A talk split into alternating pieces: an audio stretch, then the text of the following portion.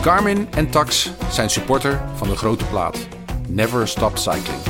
Si t'as la moyenne en rien, tu pourras faire condé ou pourquoi pas musicien. Goedemorgen John, Morning. genietende van de Vuelta. Ja, van de three-man show van eh, Jumbo-Visma. Het is toch ongelooflijk eigenlijk wat je ziet. Ja. En dan even een poel die door het ijs zakt. Nou, genoeg, heel veel te bespreken. Ook de Simac Ladies Tour was aan de gang. Ja, de laatste, la- laatste meters van Annemiek van Vleuten. Einde van een tijdperk. We gaan daar missen. Yes. Vele, vele vlakken. Ja, gaan we het ook over hebben. Ehm, was ik nog benieuwd naar, John. Heb jij, heb jij eigenlijk een, een trainer gehad toen jij prof was? Eh, nou, ja, ja, trainer. nee, niet zoals nu. Eh, Nee. Iemand die je begeleidt en die, die zegt dat je, dat je veel uur op de fiets moet maken en geen cola moet drinken. En verder, daar bleef het al een beetje bij. Niet zoals het nu gaat en eh, hoe die hoe echt helemaal super begeleid worden. Nee, en zeker niet zoals eh, de meneer die hier nu aan tafel zit bij ons eh, doet. Ja, van de be- beste ploeg van de wereld. Kan je zeggen. Mogen ons handen knijpen.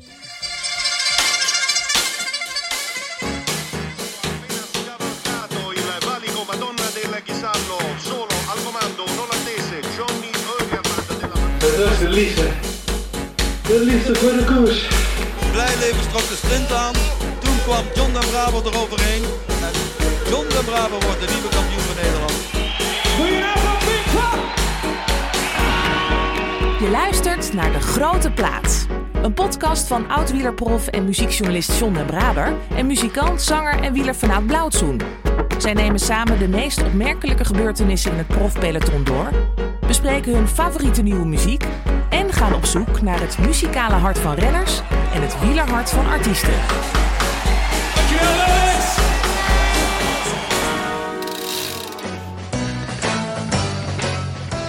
Ooit was hij een begenadigd tijdrijder en een luxe knecht bij onder meer Rabobank en later bij Cofidis. Maar toen hij in 2008 stopte als beroepsrenner, ging hij pas echt het verschil maken voor zijn kopmannen. Hij pakte een studie bewegingswetenschappen op en ontpopte zich als een coach die wel van een ezel een renpaard kan maken. Tenminste, zo lijkt het. Hij is alweer zeven jaar werkzaam bij inmiddels het beste wielerteam ter wereld, waar hij head of performance is. En onder zijn bezielende leiding als trainer won Jumbo-Visma tweemaal de Tour de France, dit jaar de Giro en staat het op het punt zowel derde, tweede als eerste te worden in deze Vuelta. Welkom Mathieu Heijboer. Dankjewel. Hoe is het? Verbaas jij je ook zo over jouw team? Of is dit gewoon volgens alle data heel logisch dat dit allemaal gebeurt in Spanje? Nee, de, de, uit, of zeg maar, de stand nu is wel echt eh, te bizar voor woorden. Het is toch En, eh, ongelooflijk, ja. Maar ja, tegelijkertijd, ja, als je met Jonas en Primos aan de Vuelta begint... en ze zijn allebei nog goed... dan kan je natuurlijk ook wel verwachten dat ze hoog staan. Maar dat Sepp er nog boven staat, dat hadden wij natuurlijk ook niet verwacht. Nee. Maar, maar is dat dan, eh, is dat überhaupt te voorspellen door jou als head of performance? Ik bedoel, dat staat op je visitekaartje. De- dat zoiets zou kunnen gebeuren met Sepp? Nou, nee, dat is eigenlijk niet te voorspellen... want dat is, dat is vooral een kwestie ook van strategie Mhm. geweest. Hè? En, en Sepp die heeft natuurlijk ja, drie minuten cadeau gehad eigenlijk. Want zo is het wel. Dat is absoluut waar. En, eh, maar ja, als je een van de beste klimmers ter wereld, en dat heeft hij eh, in ieder geval in de twee vorige grote ronden ook al laten zien, ehm, zoveel tijd cadeau geeft, ja, dan, dan komt hij heel hoog in het klassement. En dat is ook iets wat we wilden. Ze zullen in het peloton toch echt spijt hebben van die, van die dat ze Sepp Koes zou hebben laten gaan. Of, of was, er gewoon, was het gewoon niet te houden? Want hij ging natuurlijk weg in een grote groep met onder andere Van Baarle. Ik denk dat Tratnik en Valter ook nog in die groep zaten. ja, ja. ja vier, man, vier man eh, van ons mee. Dat de is eigenlijk de koep. Ja, dat was de Daar koep, is het ja. gebeurd. Ja, ja. En het was een, eh, ja goed, het, het jammere van deze veld is dat we de starts niet zien. Of heel vaak niet. Mhm. Maar dat was, dat was wat ik van heb gehoord echt een, eh, een gigantisch eh, gevecht. Ben jij Eh, zelf nog in de Vuelta geweest? Ja, Want- bij de ploegentijdrit. Ja. Maar daarna niet meer. In het donker. In het donker, ja. Dus ik heb er niet veel van gezien. Dat was vreselijk, toch? Ja, nee, daar dat sloeg, gebeurde. dat sloeg eh, nergens op. Nee. Nee, maar bij de individuele tijdritten was je niet meer nodig. Of dat heb je op afstand. Ja, normaal ben ik daar wel altijd bij. Alleen ik had nu eh, familiaire verplichtingen. Ja, Dus ik, ik was er niet bij. Maar bij de ploegtijd was ik nog wel, ja. ja. ja. Hey, ehm, dit zou dus straks, eind van deze week, de vierde Vuelta-overwinning worden van de ploeg. Ja, Dat hoop ik wel. ja. Zover zijn we nog niet. Maar is het, is het, eh, is het heel... eh, moeten we nog voorzichtig zijn? Nou, wij, moet, wij moeten natuurlijk niet, eh, niet al eh, de, de taart aangesnijden. Want Nee. er zijn nog eh, een paar hele, hele zware en, eh, en belangrijke ritten. Eh, maar we hebben het wel zelf in de hand of we hem binnenhalen. Dat, Ja. dat gevoel heb ik wel. Ja. Hey, Maar, maar worden daar nu afspraken over gemaakt? Over wie, wie 1, 2 of 3 wordt? Nee, nee. Dat zou die renner zelf ook niet, niet willen? Nou, kijk, het is natuurlijk wel. Sepp heeft een enorme gunfactor.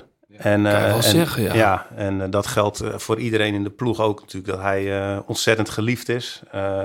door de manier van, ja, voor, voor eigenlijk de persoon wie hij is. Onwijs onbaatzuchtig. altijd vrolijk, altijd, ja, eigenlijk altijd hetzelfde. Waardoor het echt een baken van, van rust is en positiviteit in, in de groep. Dus iedereen gunt het hem heel erg. Alleen ja, als je, als je nu al de wedstrijd ingaat van we willen Sepp zondag in het rood hebben. Ja, dan, dan kan je ook fouten gaan maken. En we hebben nu drie man, drie, drie paarden om te wedden. We, ja, we nemen dit op. eh, het is nu dinsdag. Eh, woensdag, als deze online staat, is die eh, ja, beruchte inmiddels Angliru staat dan op het programma.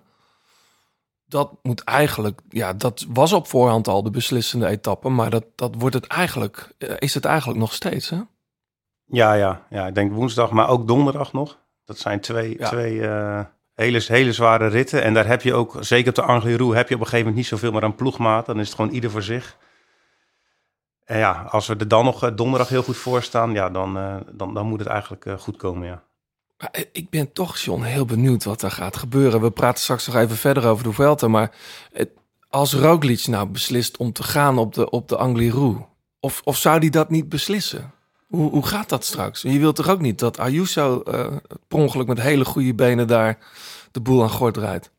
Nee, nee, maar daarom is dus die Angliru-rit nog best wel eh, belangrijk. Want, want eh, ja, als, als Mas of, of Ayuso daar echt wel beter is dan, dan onze mannen... Ja, dan, dan rijdt hij ook gewoon weg. En dan, dan heb je niet zoveel meer aan in het wiel rijden... want de snelheid is zo laag.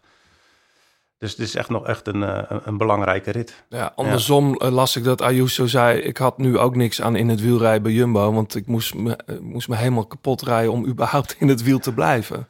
Ja, ja. ja kijk, we, we proberen die drie mannen zeg maar zo uit te spelen... dat, dat Mas en Ayuso continu achter ons aan moeten rijden. Ehm, en als we dat op elke dag op die manier spelen, ja, dan, dan, dan moet het goed komen. Het lijkt me frustrerend, John, als eh, niet Jumbo-Visma renner, renner Ja. nu in de Vuelta. Nou ja, voor die drie mannen zelf is ook heel spannend. Ik bedoel, eh, als dit de ronde van Catalonië was geweest, dan had uh, Kuus natuurlijk altijd gewonnen. Maar ja, ga je als, eh, als, als renner een grote ronde eh, cadeau doen aan je ploegmaat? Maar hij heeft toch eh, zoveel ook altijd eh Roglic en, en, en Vingegaard ook geholpen aan die eindoverwinningen. Ja, ja, tuurlijk, maar dat is wel een dilemma. Ik bedoel, wat, zou jij doen? Ik Als zou je, als je Roglic bent en misschien alle ballen op koers. je laatste kunstje... Ik je- zou, al- ja, die, eh, Roglic heeft drie keer de Vuelta gewonnen. Vingegaard heeft twee keer de Tour gewonnen. En ze weten allemaal, en Mathieu toch? Eh, ja, de, de, Ja, maar wat John zegt klopt wel. Een grote ronde, eh, dan praat je, dat doe je niet in een halve minuut af van eh, die geef ik aan mijn Ja. ploegmaat. Nee, maar is, het zo snel, is het zo snel vergeten dat, dat eh, hoe, hoe Koes Vingegaard geholpen heeft aan de Tour eh, rit? Ik bedoel, dat heeft Vingegaard zelf gedaan. Die heeft zelf die Tour gewonnen. Maar, Ja. dat, maar Koes speelde daar een belangrijke rol. Dat geldt hetzelfde als voor de afgelopen Giro. Nee, tuurlijk, tuurlijk. Ik denk dat Roglic de Giro niet had gewonnen zonder Koes. als- Oh. Stel, stel het lukt dat, eh dat Sepp wint, dan heeft iedereen daar heel veel eh, vrede mee. Alleen, eh, het is nu niet zo dat we op voorhand zeggen, we gaan alle ballen opzetten. Nee, oké, dat is wat anders. Ja. Hey, wat ook iets anders is, wil ik toch even benoemen. Dan gaan we, dan gaan we verder met de show. Maar ehm, ik zit te genieten. Ik hou van jullie ploeg. Ik vind het mooi, zo'n Nederlandse ploeg die daar de boel aan gort rijdt. Als dit een Italiaans of een Spaans of wellicht een Portugese ploeg was geweest, hadden we er toch met andere ogen naar gekeken. Misschien wel de ogen van Jérôme Pinot, die gisteren of eergisteren, ja, jij begint te lachen, maar heb je het gelezen? Ja, ja, ja. Die in een podcast zegt, Koes, eh, wat Koes op de Tourmalet deed, dat kan niet. Waarschijnlijk had hij een motortje in zijn fiets, want hij hield 10 seconden zijn benen stil en hij ging nog vooruit. Wat, wat, dat is toch... ja. Ja, moet Kijk, het verrast me sowieso dat het zo enorm wordt opgepikt. Want het is natuurlijk zulke volslagen onzin. En die, en die, en die gast is natuurlijk ook zo incompetent dat hij, eh, dat hij 50 mensen op straat heeft laten staan. eh, ja, omdat zijn ploeg is ontploft. ja. Nou, dat zo iemand dus om te beginnen een microfoon krijgt om zijn mening te geven. En dat daarna ook nog allerlei andere media dat overnemen. Waardoor wij er nog serieus op moeten reageren. Nee, Ook. ik vraag je niet om er serieus op te Nou. reageren. Maar je kan, je kan het ook als een compliment opvatten dat de frustratie, en daar begon mijn, dat de frustratie zo hoog is dat mensen gewoon bij, van gekkigheid niet meer weten wat ze moeten, moeten zeggen. Ja, maar Nee, dit- het is aan de ene kant vervelend dat je daarop moet reageren. En aan de andere kant is het ook wel geruststellend. Want als andere teams of mensen denken dat, dat wij daarmee bezig zijn... Nou, dan zijn ze in ieder geval niet bezig om zelf beter te worden... om het gat te dichten. Nee. Nee, maar wat je zegt is waar. Jérôme Pinot zit ook zonder ploeg. Die had normaal gesproken een, een World Tour ploeg gehad. Maar Ja, maar dat, dat, dat, hele, dat, dat hele verha- verhaal waar jij nu naar, naar, naar suggereert, weet je, dat mensen er op een andere manier naar kijken, of misschien wel een negatieve manier, dat is zo oud als het, als het wielrennen zelf. Weet je, toen ik junior was en iemand die reed twee keer zo hard als, als, als, als ik, dacht ik ook, dat klopt niet. En dan hoorde je ook allemaal van die verhalen. Dat is echt, dat is echt eh, Nee, maar goed, wij komen natuurlijk ook aan een, uit een tijd ja. natuurlijk dat wij ook andere dingen gezien hebben. Dus het is natuurlijk, laten we wel vooropstellen, het is bijna uniek. Het is misschien één keer gebeurd dat in een grote ronde de nummers 1, 2, 3 van, eh, van uit dezelfde ploeg komen. Dus het is ook heel bijzonder. Ja. Het is ook niet gek dat je daar ook vragen bij stelt of mag stellen. Dat kan toch? Dat, we komen toch uit een sport. Ja, dit is wel echt een. eh, ik denk niet dat Mathieu ooit had gedacht dat hij hier over dat hij moest praten over welke van de drie renners Nee, ze straks gunnen. nee maar dat bedoel ik. Sterker nog, wij hebben natuurlijk een winactie met eh, het boek van Nando Broers. Ja, Het plan, nou, dat, eh, dat, gaat, eh, dat gaat het vanzelf moeten houden, denk maar ik. waar, wie, heeft, wie heeft überhaupt eh, de kaart Sepp Koes gespeeld? Nou, ik denk niemand. Nee, hè? Ik moet even goed na gaan kijken. Dus Ja, dat is heel alternatief verzinnen. Hey, nogmaals, eh um, Mathieu, super dat je hier bent. We hebben ehm, al, al eens eerder hier met Marijn Zeeman gezeten, met Richard Plugge en geprobeerd achter het geheim van het succes van Jumbo-Visma uit te komen en dat te ontrafelen. Jij sprak, je had het net over Nanda Boers, hij heeft daar een mooi boek over geschreven. Daar gaan we uiteraard met jou verder over praten. Ehm, ehm, daarop vooruitlopend, welke Welke rol heb jij eigenlijk in dit succes? Vervelende vraag. Ja, kijk, ik ben, ik ben eh, eigenlijk al vanaf 2008 natuurlijk in deze ploeg. Ik ben begonnen als, eh, als trainer bij de opleidingsploeg van Rabobank. Toen, eh, toen Rabobank ermee ophield, toen werd het Blanco Pro Cycling Team. Toen ben ik daar trainer geworden. Ehm, vanaf dat moment ook samen gaan werken met Marijn. En vanaf 2016 echt in de rol gekomen als head of performance. Dus dat ik echt verantwoordelijk werd voor eigenlijk alles wat met voorbereiding te maken heeft.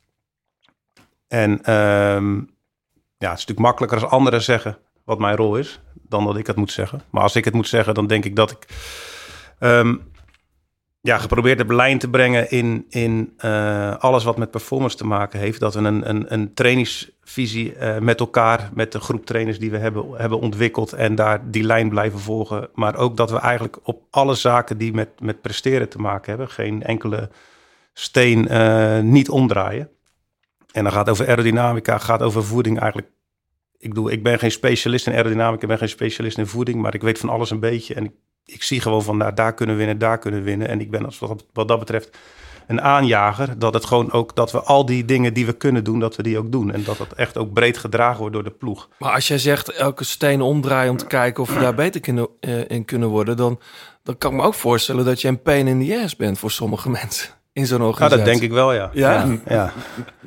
Dat, dat denk ik wel. Ja, toch? Ja. Dat gebeurt. Maar goed, kijk, aan de andere kant, iedereen weet van mij en we hebben heel veel mensen die onge- ongelooflijk gepassioneerd werken en, en dat het altijd bedoeld is om de ploeg beter te maken. En eh, niet, niet de meerdere eer en glorie van mezelf. Nee, dus eh, ja, ze zullen me af en toe wel irritant vinden. Maar ze weten meestal ook wel dat het bedoeld is om, eh, om iedereen harder te laten fietsen. Ja, en je krijgt gelijk. Ja, we krijgen gelijk. Ja. Ja, Hey, we noemden net al die twee toeroverwinningen. Hè? We herinneren ons ook natuurlijk, John, nog heel goed die Nou. 19e september in de, in de Vorgezen. Ik was daar ook bij, dus het staat me heel goed op het netvlies. Eh, voor jullie toen die dramatisch verlopen eh, tijdrit op Planche de Belleville. Is die nederlaag, John en ik hadden het er voor, die, voor, voor deze opnames over. Is die nederlaag een soort kickstart geweest voor, ja, voor het huidige, of ja, bijna op het oog onoverwinnelijke team? Dat was wel een dreun, hè? Ja, kan wel stellen, ja. Ehm, nou, dit, dit was een enorme dreun en dan ook echt een, een kras op onze ziel bijna, wat daar gebeurde. En, ehm, maar we waren toen wel echt aan het bouwen aan, aan de ploeg die we nu zijn. En eigenlijk kregen we daar een soort, eh, ja, een enorme duw terug even.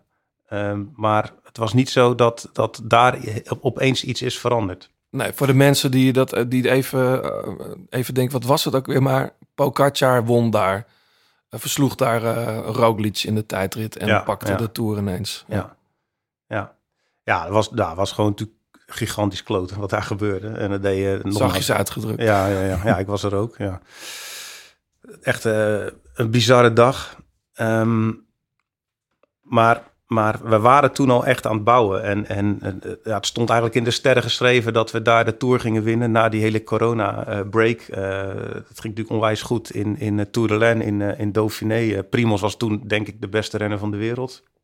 Dus er was heel veel vertrouwen dat dat, eh, go- ja, dat dat goed ging aflopen. En in één keer kregen zeg maar die, eh, die vuistslag op je... Een soort reality check of ja, zo. ja, ja, zeker, zeker. Ja. Ja, maar ook voor een ploeg die zo op details let, weet je. Iedereen heeft het altijd over die helm die niet goed zat. En eh, Ja. dat, het zag er ook, eh, ja, het- alles liep ook echt fout die dag. Het schijnt trouwens dat die helm wel iets, iets hoger gedragen moet worden dan je zou verwachten hoor. Maar Ja. dat- dat- misschien moeten we daar Ja, straks voor de even beeldvorming. over- Het zag er in ieder geval niet uit. Nee, het zag er niet goed uit. Nee, nee, nee, nee. Hey, we, we praten daar graag. Je begint te lachen. Ja, het is natuurlijk... natuurlijk- ja, dat beeld is gewoon eigenlijk wat iedereen onthoudt. Ja. Van, hè, en, en eigenlijk als je over de Tour van 2020 heeft, hebt... dan hebben veel meer mensen het over dat Primoz hem verloor... dan dat Pogacar won. Ja. Klopt. Ja, dat, dat is, eh, En later dat is ook zeg maar onderdeel van onze, onze historie nu. Ja, Ja. ja. ja, zeker. Die helm die moet ook ergens nog in een museum liggen. ja, die hebben we nog, ja. Ja.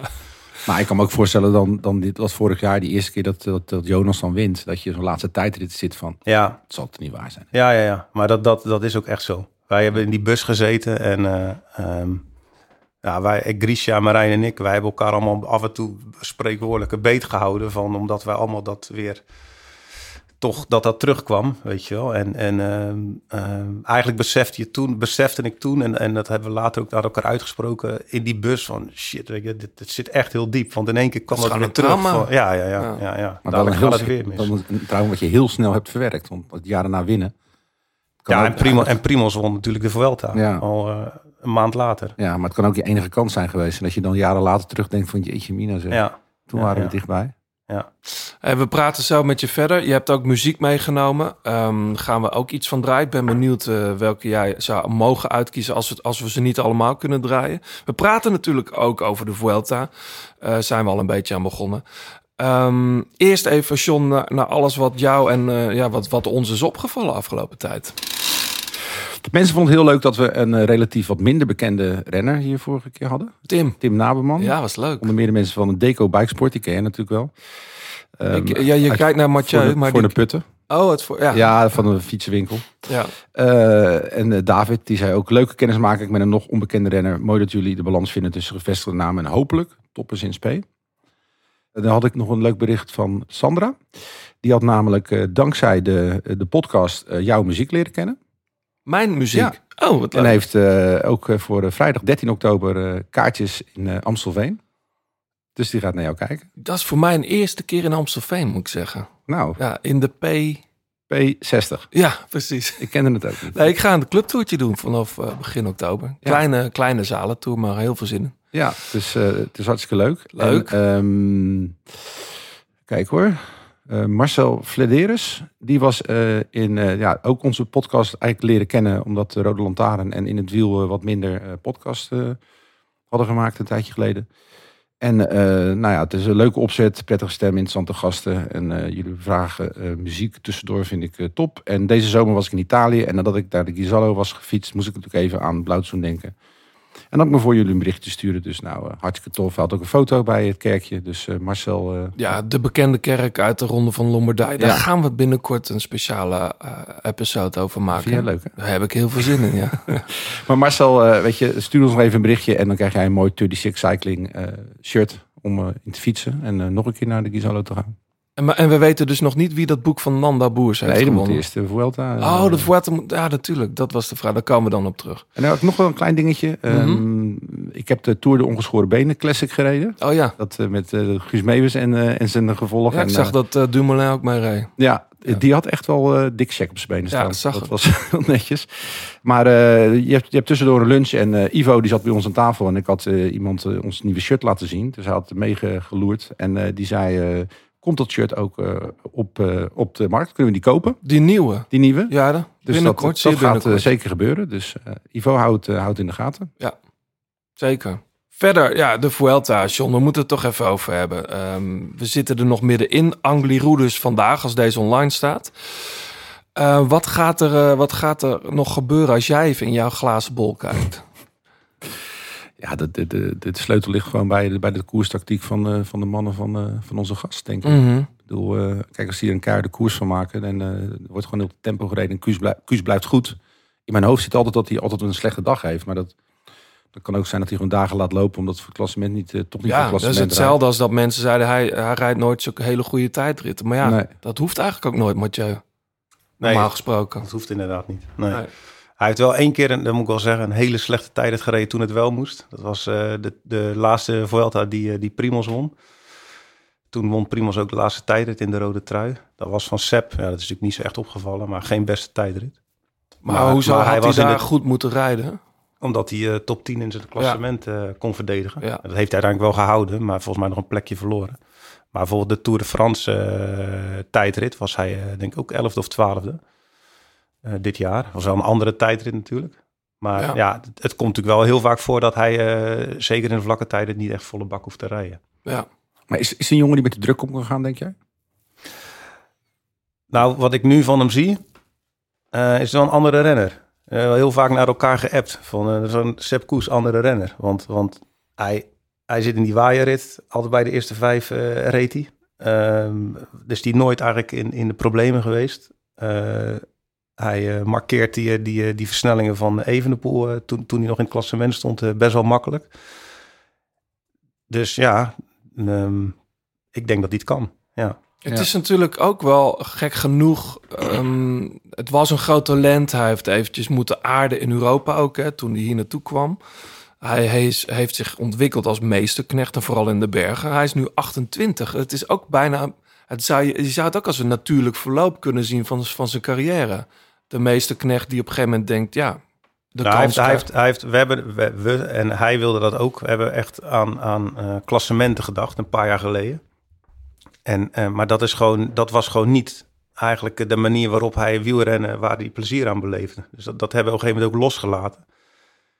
Waarna hij dus eigenlijk op een heel ontspannen manier hebben we gewoon gezegd: Sepp, jij moet gewoon die, die en die rit rekenen op jou.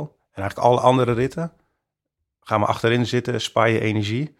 Maar dan, eh, dan, dan moet jij er staan. En dat is eigenlijk een rol waar hij zich heel prettig bij voelt. Ehm, ja, en dan pakt hij af en toe zijn ritten mee. dan pakt hij af en toe zijn ritten mee, eh, als hij mee zit.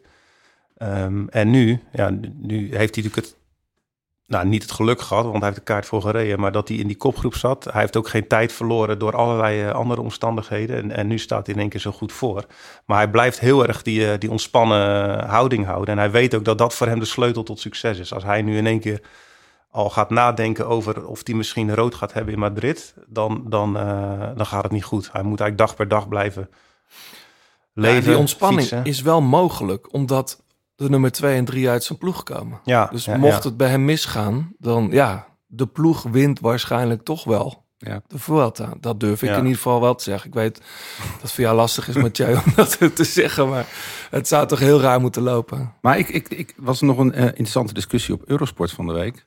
Ging het ook over de financiële positie van renners. Ik bedoel, als Kuus natuurlijk die ronde wint, ik weet niet of dat nog steeds zo is, maar dan gaat, krijg je een contractverbetering, neem ik aan, als je een grote ronde wint.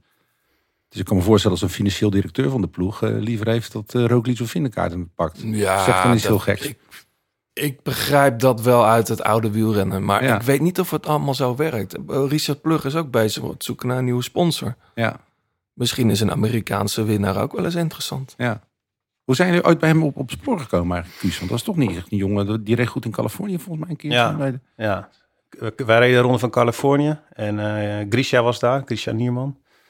En eh, ja, die, hij was bij Grisha echt opgevallen omdat hij één of twee etappes gewoon echt hele bijzondere dingen deed. Een beetje achter in het veld. Dus dat hij, dat hij vanuit een peloton overstak naar de kopgroep, terwijl er echt volle bak gekoerst werd en zo.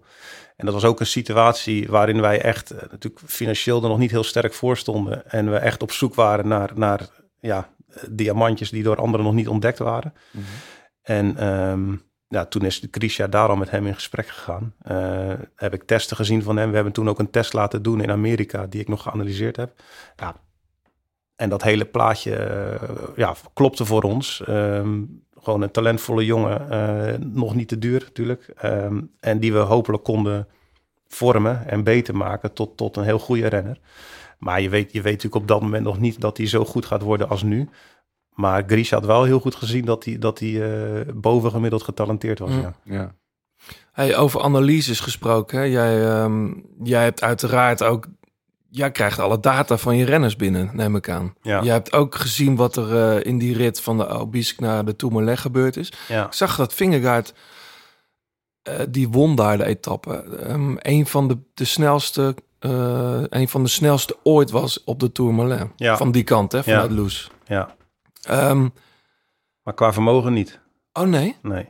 want hoe zit dat dan? Ja, ik denk dat ze wind mee hadden, een beetje. Ah ja, Ja. ja. Want ehm, kijk, die klimtijd was heel snel, maar, maar het niveau van Jonas is, eh, is niet zo hoog als in de Tour. Nee, oh, dat, nee, precies. Want dat, dat werd gesuggereerd van... oké, maar dan is hij dus toch... maar blijkbaar waren de wattages minder... Ja, In, ja, want Pinot heeft daar de snelste tijd ever. Hè? Misschien was dat ook met wind mee, weet ik niet. In de Tour van twee- 2019, Kruiswijk was toen ook heel goed. ja, ja, ja dat was die, ook een heel korte rit. Ja. Ja. won Pinot. Ja. En eh, daar reden wij met Steven uiteindelijk naar de derde plek in het klassement. Ja. Maar ik denk dat Contador en Schlek ook eh, nog veel sneller hebben gereden in 2009. Ja, die staan alleen niet op Strava. Oh, oh dan telt het niet. Nee, dat, Nou ja, maar nee die van Vingegaard trouwens ook niet hoor. Alleen Koes stond erbij. ja, hoe lang bestaat Strava eigenlijk? Geen idee joh. Dat zal rond die periode zijn, denk ik. Ja. 2010 of zo. Nee, maar goed. Maar het, het ging in ieder geval wel goed vooruit. Ja, ging goed vooruit. Ja. Hey, ehm, de, de day off van Evenepoel, eh, John. Ja, Ja, bizar. Toch? ja het, het was ook niet kraken op het beslissende moment of zo. Hij ging gewoon al, eh, ik denk dat hij gewoon voelde dat, dat, dat hij lode benen had. En dacht van, nou ja, dit is wat het is. En eh, aan de finish komen en, en weer kijken of ik een rit kan winnen. Want anders kan je de dag erna, want ik wilde nog bijna mijn poeltje halen. Ik denk, dat is over met hem. Maar ik dacht dat binnen onze groep niemand had dat gedaan, gelukkig. Maar eh, dan wint hij gewoon die rit weer. Dus eh, heel, heel wonderlijk. Hoe, hoe verklaar je zoiets, Mathieu? Want jij kijkt daar natuurlijk ook met, met extra aandacht Ja, naar. Kijk, je kunt het niet op de dag zelf verklaren, maar als je dan de dagen daarna... Kijk, ik dacht eigenlijk hij gaat uit koers. Ja. Want, want nou, als zoiets Ja. er gebeurt, dan is hij waarschijnlijk ziek. En dan heb je, hoor je binnen de kortste keren dat er iets aan de hand is. En eh, ja, dus heel erg pech voor hem. Ja, de dag daarna eh, vloog hij weer. Ja, dan denk ik, vanaf de zijkant eh, kijkende, dat, dat hij ja, in, in die etappe op een gegeven moment eh, gevoeld heeft van... oeh, dat gaat veel minder lekker dan ik, dan ik eh, dacht. En eh, wat rijden ze hard, terwijl ze, terwijl ze eigenlijk niet zo hard reden. Want er zat nog 50 man in die groep. Ja. Ja, precies. En ja, dat hij daar eh, ook mentaal gekraakt is op dat moment. is het ook... Hij rijdt in Frankrijk, hè, die etappe. Over de grote calls van de Tour de France. Ja. S ochtends zag ik hem bij de start al, werd hij geïnterviewd. Hij leek al bijna een soort van geïntimideerd door het parcours. En, en, en de plek en de, de wegen waar hij nooit op het hoogste niveau heeft gereden nog. ja. Zou dat hebben meegespeeld? Of is er, of is er iets misgegaan met voeding? Of, Je kunt toch gewoon een slechte dag hebben. Je, ik bedoel, je gaat, je, s ochtends als je uit je bed komt en je loopt de trap af naar, naar de eetzaal, dan weet je meestal hoe laat het is. dan voel je wel of die benen goed zijn of niet. Dus ja, dit, eh, niet alles is te verklaren natuurlijk door... eh, Nou, dat zou Mathieu niet, eh vindt Mathieu niet leuk om te horen. Dat niet alles te nou, ik denk dat, is. dat Mathieu met me eens is, toch? Niet? Nee, maar ja, voed- ja, kijk, de dag daarna was hij weer heel erg goed. Ja. En het is natuurlijk niet dat hij, eh, dat hij eh, twee, eh, twee, eh, twee witte boterham heeft gegeten, voor de rest niks. Nee. En, en tegelijk, je ziet ook bijvoorbeeld Almeida, die werd ook heel vroeg gelost. eh, Ja. Maar die is blijven rijden en die heeft dus nog zelfs renners ingehaald die, die Ja. aan de voet van de Maar Tourmalet nog bij Geesink zaten. is al met, is met koorts opgestapt, las ik. Oh, dat wist ik niet. Ja, die was ziek. Oh, oké. Eh, Ja. ga- die, die, die had ook eigenlijk normaal gesproken, ik denk dat jij had gezegd, Mathieu, eh volgens mij kan je beter afstappen. Iemand met koorts die zo in zo'n etappe start. Ja, als je koorts hebt. ja. Maar dat wist ik niet. Ja. Nee. Dus dat, dat is te verklaren nog een beetje. Ja. Maar vervolgens lezen we dat hij eh, heel hard gehuild heeft, een hele rotnacht heeft gehad met iedereen en alles zit te appen. En dan wint hij vervolgens die volgende rit. Ja. Zit die dag later weer mee in de kopgroep. Die wint hij dan niet. Heb je de kritiek van Bruineel gelezen daarop? Nee? Wat was dat dan? Nou, die zegt, wie besluit dat soort dingen? Want je wilt toch eigenlijk vooral vooruitkijken. Eh, waarom niet gewoon die twee dagen rustig herstellen... om te kijken of je bijvoorbeeld de woensdag... in de, in de Angliru- eh, Angliru-rit met de grote jongens mee kan. Ja, dat hoeft toch niet te bewijzen. Dat heeft hij toch lang bewezen. Nee, dit is mijn punt. Wat ik, dit is het punt wat ik jaarlijks maak inmiddels. dat, dat Evenepoel nog nooit heeft bewezen tegen de grote jongens in de grote finales om te winnen. In grote rondes. Hè? Ik bedoel, eh Bogert eh, hoorde ik laatst ook weer zeggen. eh Evenepoel had de Vuelta nooit gewonnen als Roglic vorig jaar niet was uitgevallen. Nee. En, en dat bedoel ik, wie wil je toch eens een keer meten van, is het mogelijk ehm, dat ik me volledig, en, en, en zijn de resultaten en, en geven de data mij zoveel houvast, dat ik volgend jaar met een goed gevoel ook bijvoorbeeld kan meedoen voor de toerwinst. Ja. Maar dat, daar, daar, dat weet hij nu nog steeds niet, want hij heeft dan voor de bühne en voor Ja. zichzelf die rit gewonnen. Prachtig trouwens, toch? Ja, ja, heel mooi. Maar ergens is het ook een beetje dat je denkt, ja, Ja, maar wij, wij vergeten wel eens dat het gewoon nog een snotneus is. ja, maar dan. Die, die heel veel, die heeft, die heeft helemaal geen wielerachtergrond. Hij heeft gevoetbald tot hij 17, 18 was. Mhm. Nou, Mathieu weet ook wel, in die periode word je ge- ge- gevormd als renner. Dan leer je sturen, je leert eh eh, koersen, eh, slimheid in, in de wedstrijd ontwikkelen. Ja, en hij, hij zal fouten blijven maken en slechte dagen blijven hebben. En misschien moet hij meer naar zijn lichaam luisteren. Had hij de dag ervoor gewoon iets minder eh, imposant moeten doen. Je weet het niet. Weet je, dat, dat, dat- hij is natuurlijk wat dat gaat nog echt een rookie. Ondanks dat hij al een erenlijst van hier tot Tokio heeft. Maar ik denk, Mathieu, ehm, even een voorschot op 2024. Het is toch niet zo, stel dat hij volgend jaar in welk team dan ook aan de, aan de start van de Tour staat, dat hij ineens eh, wordt meegerekend eh, als een grote kans hebben. Ook als bou- bijvoorbeeld aan de start staat, toch? Ja, maar dat denk ik wel. Ja, Ja. Toch het is wel? Echt, het is echt een hele bijzondere renner. Zeker. Ja, met wat hij heeft laten zien. Ja. al. En ik, ik twijfel er ook niet aan dat hij, eh, dat hij mee gaat strijden in de toekomst met, met alle grote klassementsrenners in, in grote wedstrijden. Maar het is ook wat John zegt. Hij is ook eigenlijk nog heel erg jong. En ja, ik heb ook wel met hem te doen. Want, want er ligt zo'n enorme druk op hem vanuit de Belgische media. Ja. En Het volk. eh, ja, kijk, hij, hij, kan, hij kan volgend jaar eigenlijk al niet meer de Tour rijden zonder, eh, zonder dat het goed genoeg is als die, dat hij niet wint. Dus slechte zin, maar... Ik begrijp wat je bedoel- bedoelt. Ja. Ehm, en, en dat is gewoon de druk die, die, die hem wordt opgelegd. En, en dat, daar doet hij zelf ook wel aan mee, want het is ook een jongen met bravoure. Ja. Ehm, maar, maar toch, ja, ehm, ik, ik, ik, nogmaals, eh, ze zouden wat echt veel, wat, nee, veel milder over hem mogen oordelen, vind ik. En met name in België. Ik vond het geweldig hoor, wat hij Ja. doet. In de, dat hij die rit wint. Alleen, je kunt je afvragen, en met Bruineel vraag ik me dat dan ook af. Van, is dit dan wel the way to go of zo? Ja. Maar je zegt net al, het is, het is een beetje een portret. Zou het rennen zijn die zou passen bij jullie in de ploeg? Ehm, nou, dat weet ik eigenlijk niet. Nee. Kijk, wij, wij hebben heel veel verschillende persoonlijkheden in de ploeg. En ik denk dat, eh, dat, dat, dat we met hem ook kunnen werken. Maar ik ken hem eigenlijk niet goed genoeg om te zeggen van... Eh, nee. nee. Verder nog, uh, John. De Simak Ladies Tour. Ja, de, de laatste, laatste meters van uh, Annemiek van Vleuten. Ja. Waren de het kreeg moeizaam, hè? Hm? Het, was, het is wel een beetje op, hè? Ik denk geestelijk ook.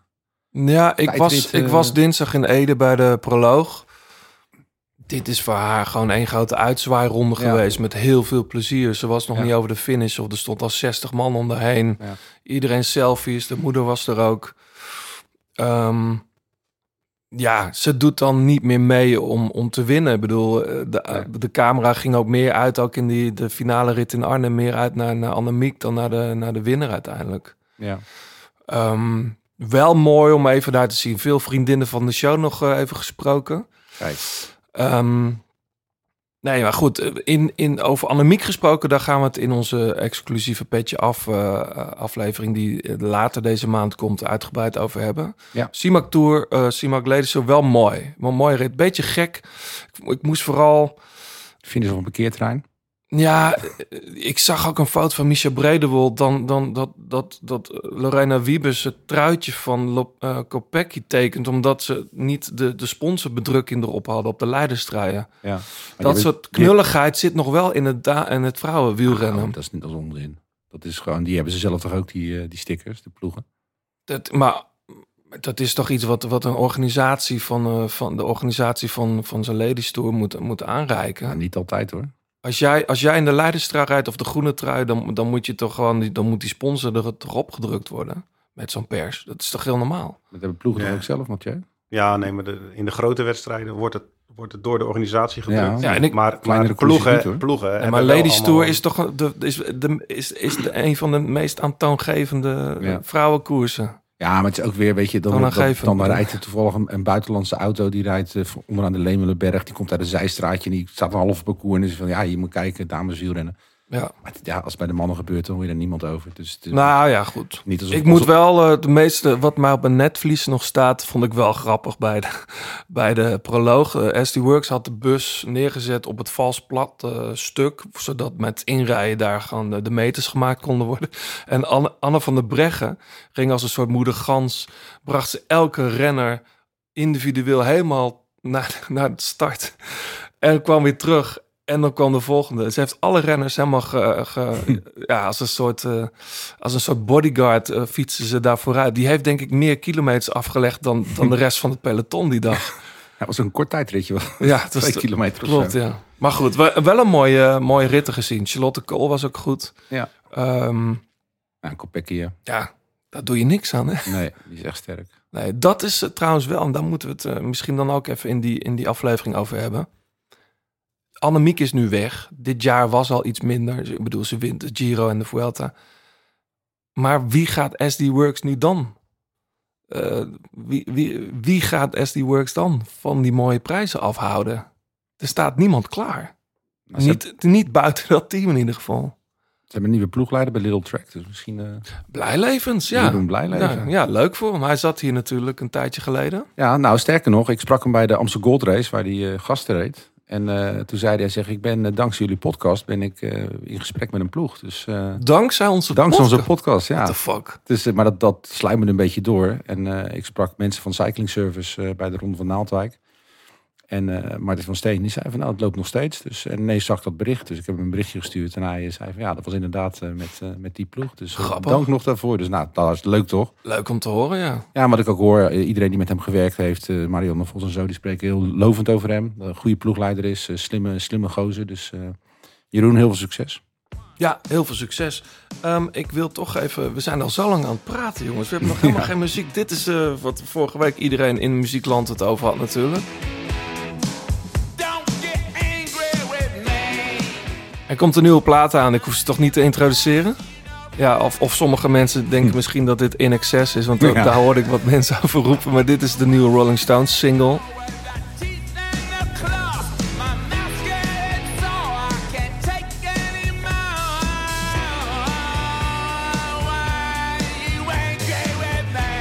Ja, half eh, Nederlands uh, muziekjournaal was erheen gevlogen voor een persconferentie met Oh, Jimmy Fallon. En, Ja, ik zag het, ja.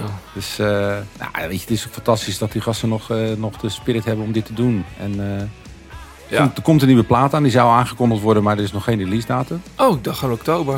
Nee, dat is nog steeds niet. Ah. eh, maar in ieder geval, eh, Elton John schijnt erop mee te doen. eh, Paul McCartney en ook eh, Ringo Starr. Ja. Dus ja, hoe uniek is het dat gewoon eh, op één plaat gewoon alle nog levende leden van de Beatles en de Stones eh, te horen Ja. zijn. Dat is toch te gek? ik irriteer me trouwens zo erg aan die... eh, nee, Nee? nee, bijna niemand hoort dat meer, omdat alle popmuziek dat tegenwoordig heeft. Maar er zit een enorm dikke autotune over zijn stem. Ah, oké. En zo ken ik Mick Jagger niet.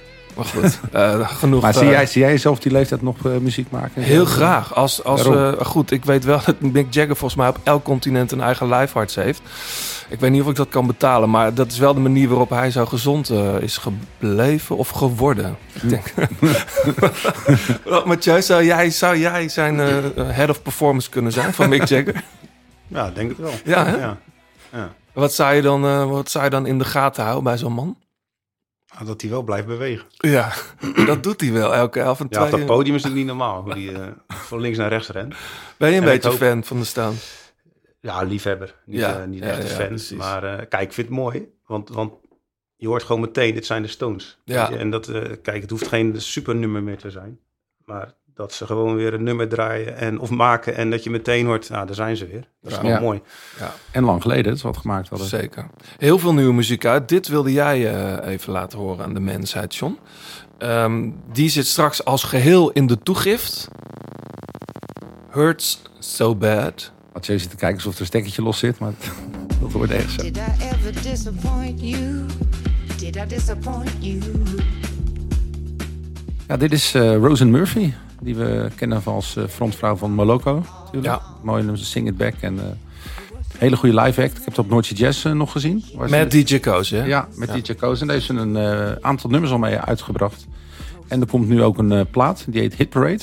Die Ook komt- met DJ Koos. Ja, die komt binnenkort uit. Blowing pieces splinter.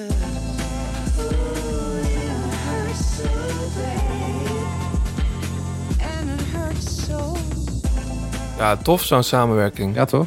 Ja. Straks in de toegift de hele song.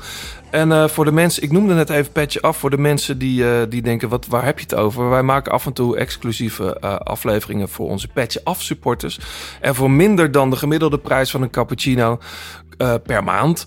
kun jij ons supporteren en ontvang je dus regelmatig exclusieve podcast. Binnenkort dus eentje over Annemiek van Vleuten. Ja. Einde van het tijdperk.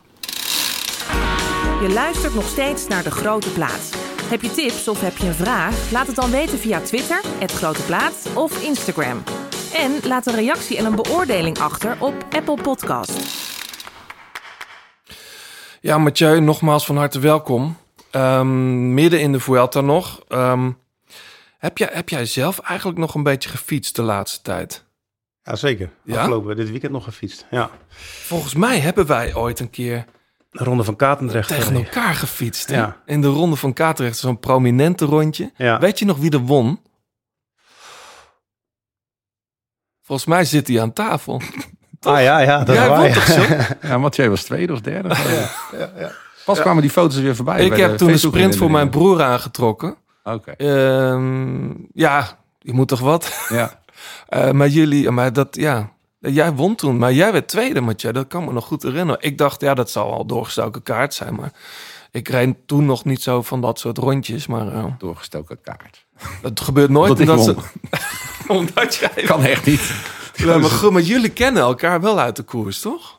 Ja, maar meer- wij, wij- jij was denk ik gestopt. net Ja, ik was, ik was ploegleider bij, bij AXA. Ja. En toen, eh, zo'n ronde van Normandie en zo. Dan reed je de Rabo-belofte altijd. En er was geen, geen kruid tegen gewassen. Die werden dan eh, in de eerste proloog werden ze al 1, 2, 4, 7, 8 en 10 of zo. Oh ja. En dan was de koers al op slot. De tijden van Thomas Dekker en met jou en Michiel Elijzen. En, eh, Oh ja, Michiel ook nog. ja, Ja. dus eh, nee, dus wij kennen elkaar eigenlijk eh, ja, via het wielrennen wel, maar niet. Ja, we hebben wel een aantal keer samen gefietst met de eilandploeg in Voorne Putten. Mm. Dat je echt de avond ervoor vroeg naar bed, want dan eh Oh ja, dat werd hard gewoon met- 35 gemiddeld. eh, Maarten de Bakker en Arthur Vaarhout en Chantal was vorige keer nog met ons mee. ja. Leuk. Die is ook eh, weer in gang geschoten. Dus eh, Hey, eh, Mathieu, jij was zelf, eh, zoals gezegd, ook prof tot en met 2008, hè? Ja. Laatste la- drie jaar nog bij COVID is Ja, gereden. ja, ja. Eh, in de ploeg met eh, Sam, Samuel Dumoulin, Moncoutier, Nick Nuyens. Dat was denk ik dat laatste jaar dat je met hun nog reed. ja. Bradley Wiggins. Bradley Wiggins ook nog, ja. Ja. In een iets andere shape dan die later Ja, de Tour ja. won. Dat was op het filmpje dat hij aan het veldrijden was. Dat die, eh, Nee, dat was al nog bij Frances Desjeux. Oh, oké. Maar Ja. ja, ja nee, dat echt met Bradley ongelooflijk zo lachen, niet normaal. Dat is wel een figuur, hè? Ja, maar hij ja, ja. ziet er nu weer een beetje uit als toen, denk ik. Nou, nee, is net een beetje overdreven. Ja, Maar- veel met tatoeages, maar eh, Ja. wel Zijn- weer een beetje qua shape, ja. Zijn zoon fiets ook goed, hè? Ja, Ja. ja. Ja, ja. en het grappige is dat ik kan me nog herinneren in de ronde van Picardie, lag ik met hem op de kamer. En dan zat hij dus eh, na de koers op, op, eh, op de kamer al met zijn zoontje. Nee, die was natuurlijk nog heel klein. Dus een beetje babygeluidjes en eh, dat soort dingen te maken, weet je niet. En eh, ja, nu, eh, nou, nu staat hij aan de vooravond van een profcarrière. Ja, grappig. Ja. Waar gaat hij ook weer heen? Gaat hij in Ineos? Of? Ja, hij gaat Nee. volgens mij nu naar ehm Axion. Axion. Oh ja. Ja. Oh ja, van, van dingen natuurlijk. Van mer- merks. Maar ja, dat is natuurlijk heel vaak een voorportaal voor een eh, mooie profcarrière. Bij die ja, die ja. doet Ja. het goed. Zeker. Hey, ehm, waar ik eigenlijk naartoe wilde, wat, wat voor renner was jij dan in die, in die periode? Want we zeiden begenadigd tijdrijder. Ja, kijk, ik, ik was eigenlijk net niet goed genoeg om prof te zijn, achteraf. Maar ja, in die tijd, dat is best wel raar voor Rabobank... iemand die, die meer dan zes jaar prof is geweest. Ja, maar ik was twee jaar bij, bij de Rabobank belofte. Daarvoor twee jaar bij, bij Tegel Toko, bij Han Vanholt. Nou, dat ken jij natuurlijk ook goed. Maar Rabobank had destijds zo'n enorme reputatie... dat, dat op een gegeven moment iedereen die daar reed kon wel prof worden. En ik, ik kon, eh, kon bij eh, zowel Rabobank als Cofidis prof worden. En eh, ben met Michiel naar Cofidis gegaan.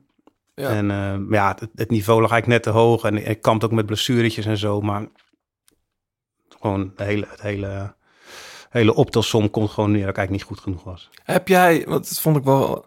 Jij bent nu head of performance. Ik denk dat veel mensen ook met, eh, met eh, veel ploegen, denk ik ook met, met jaloezie kijken naar jou. Want zo, zo iemand zou je toch wel bij je ploeg willen hebben. Zou jij met de wetenschap die jij nu hebt, hè, eh, de kennis die je hebt opgedaan als, als trainer, als, als performance coach, had jij van jezelf toen een betere renner kunnen Ja, maken? veel beter. Ja? Ja. Maar ik denk dat het voor elke generatie geldt. Ik denk dat als John, als ik naar jou kijk, als jij nu weet wat je nu weet, dat je denkt van ja, goh, had ik het toen en toen maar anders gedaan. En dat geldt voor mij ook. En met name, met name op het voedingsgebied. Dat is Mhm. gewoon, ja, in die tijd luister je eigenlijk nog meer naar oudere renners dan, dan naar experts. En het was heel vaak van, eh, ja, niet te, veel, eh, niet te veel eten, weet je wel. En, Niet te eh, veel suiker, Ja, allemaal dat soort vlees. onzin. En ja, daardoor ging je gewoon heel vaak naar de kloten in trainingen. En was je gewoon helemaal niet op je beste, op je beste niveau. Als jij op een verjaardagsfeestje bent en iemand vraagt, eh, eh, Matja, wat doe jij dan? Wat doe je voor werk? Wat, wat, Ja, wat leg je dan niet, niet in één zin uit. Nee, maar kijk, het, het aantal zaken zijn wel heel, heel simpel. Ik, ik maak trainingsschema's voor een groep renners in onze ploeg. Hè. We hebben, we hebben eh, vier trainers in het team. En die hebben allemaal een groepje renners voor wie ze de schema's maken. Eh, en mijn rol daarnaast is dat we zorgen dat we met die vier trainers wel allemaal dezelfde lijn blijven volgen. Mhm. En dat we heel goed van elkaar weten wat we doen. En dat we elkaar ook continu bevragen. Eh, zodat, zodat ik slimmer word van Mark Lamberts, bijvoorbeeld mijn collega. En dat Tim Heemskerk, die andere collega, weer slimmer wordt van Marijn. Want, want dat zijn zeg maar de vier trainers. En daarnaast hebben we nog een hele grote groep experts eromheen. Eh, en, en mijn rol daarin is met name dat we gewoon continu goed in gesprek zijn. Dat we dezelfde lijnen volgen. Dat we alle zaken die met performance te maken hebben bij elkaar brengen. En dat we naar die rennen toe uiteindelijk één goed verhaal hebben. Maar je zegt zo gaan alle zaken, dat betekent voeding, dat betekent trainingsschema's, ook materiaal? Ja, Mhm. ja. Ja. Ja. Welke renners begeleid jij zelf direct? Of? Ehm nou, Sepp, eh, Dylan van Baarle, eh, Robert Geesink, ehm, Kelderman. Ja, nog een paar. Ja. Maar maar is iemand als Geesink, hè, die, die kent zo goed het klappen van de zweep. Kan, kan je zo'n jongen nog wat bijbrengen? Of, is dat, of trekt hij gewoon zijn eigen plan? Ja, kijk, met Robert is, is de samenwerking niet van ik ga jou vertellen wat je gaat Ja. doen. Hè. Dat is veel meer, veel meer dat je samen tot een plan komt. En maar, wel, maar wel dat we met elkaar kijken naar een, een planning van wanneer, eh, in welke, welke periode gaan we wat harder trainen, in welke periode ga je rusten. Nou, daar kan ik hem nog wel vaak helpen, denk ik. Want Robert is goed, iemand. Deze, dat de eerste twee weken, wat was die goed? Ook Ja. die obese grid. Ja, Wordt hij gelost? ja. Komt hij weer terug? Gaat Ja, hij weer? dat ik zat, sloeg helemaal nergens op. Ik heb, eh, iedereen riep ook man of the match was hij eigenlijk. Ja, ja. Dat vond ik ook, ja. ja hij is echt, echt eh, op, op het beste niveau van de laatste jaren eh, nu in deze Vuelta. Ja. Maar dat zien wij, zeg maar, eh, als, als tv-kijkers. Maar dat zie jij ook terug in de Ja. data. Dus Ja, ja, ja. Hoe verklaar je dat? Nou, ik verklaar het omdat hij nu eindelijk weer eens een periode heeft gehad dat hij gewoon kon trainen. En lange tijd de tijd heeft gehad om een basis te leggen. En, en Robert, die, die, die groeit ook gewoon van, van grote momenten. Dus zo'n Vuelta, als we, als we daar met elkaar naartoe gaan om, om, om te winnen. Ja, dat zijn, dat zijn gewoon nog de, de wedstrijden waar hij voor leeft, waar hij voor traint. De herinnering trouwens, misschien ook nog even die rit aan de Obis. Aan de die Obis. zelf ooit. Ja, ja, ja, ja. Kijk, en hij, hij heeft ook dit jaar weer van alles is hij tegengekomen. En met name die coronabesmetting vlak voor de Giro. Oh, waardoor, ja. die, waardoor die hem... Want in, in de Ronde van Romandie was hij trouwens ook heel erg goed. En, en nou, ik, ik weet ook zeker dat hij in de Giro dezelfde rol had kunnen vertolken... als dat hij nu in de Vuelta doet. Alleen ja, toen sloeg eh, het noodlot toe. Beetje zwaar, maar goed, hij kreeg corona. En, Mm. Maar daar heeft hij echt heel, heel lang eh, van geleden. Echt lang slecht geweest. Ehm, eh, niet fit gevoeld en zo. Nou, op een gegeven moment hebben we natuurlijk ja, zeg maar een, een, een knip gemaakt. Rusten. En vanaf half juli echt weer aan de voorbereiding begonnen van de, van de Vuelta. En je, maar je ziet gewoon op het moment dat een renner lange tijd goed kan voorbereiden, goed kan trainen, dan ga je altijd ook een goed niveau halen. Ja. Jij, jij, jij begeleidt ook eh Sepp Koes direct.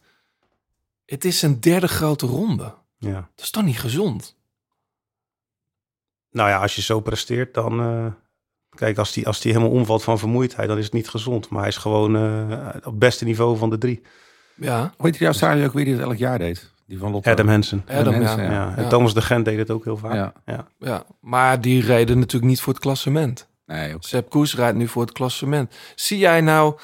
eh, ja, dat is misschien een beetje... We zitten nog in de Vuelta, dus ik kan misschien niet alles zeggen. Maar zie jij nou eh, die drie rondes die die rijdt? Is daar dan een verschil in niveau te zien? ja.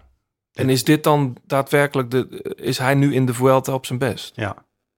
Dat is Ja. opmerkelijk Ja, wel. Vergelijkbaar met de Tour. Bij, bij momenten zelfs nog iets beter. Maar niet zo goed als in de Giro. Nee, maar als je, als je terugkijkt naar de hele Giro... bedoel je dan- niet zo goed als in de Giro? naar het niveau wat hij daar haalde. eh bergop. Hij heeft natuurlijk daar wel een superbelangrijke rol gespeeld voor, eh voor Primos. Waar hij eigenlijk Primos een klassement heeft gered op Ja. de Bombone. Maar als je, even, als je dan... Hè, en, en vermogens zeggen niet alles, want er zijn een hele hoop zaken die er mee te maken. Als je het, als je het reduceert tot vermogens, dan zijn de vermogens die hij in de Tour haalde en nu in de Vuelta het beste van het jaar.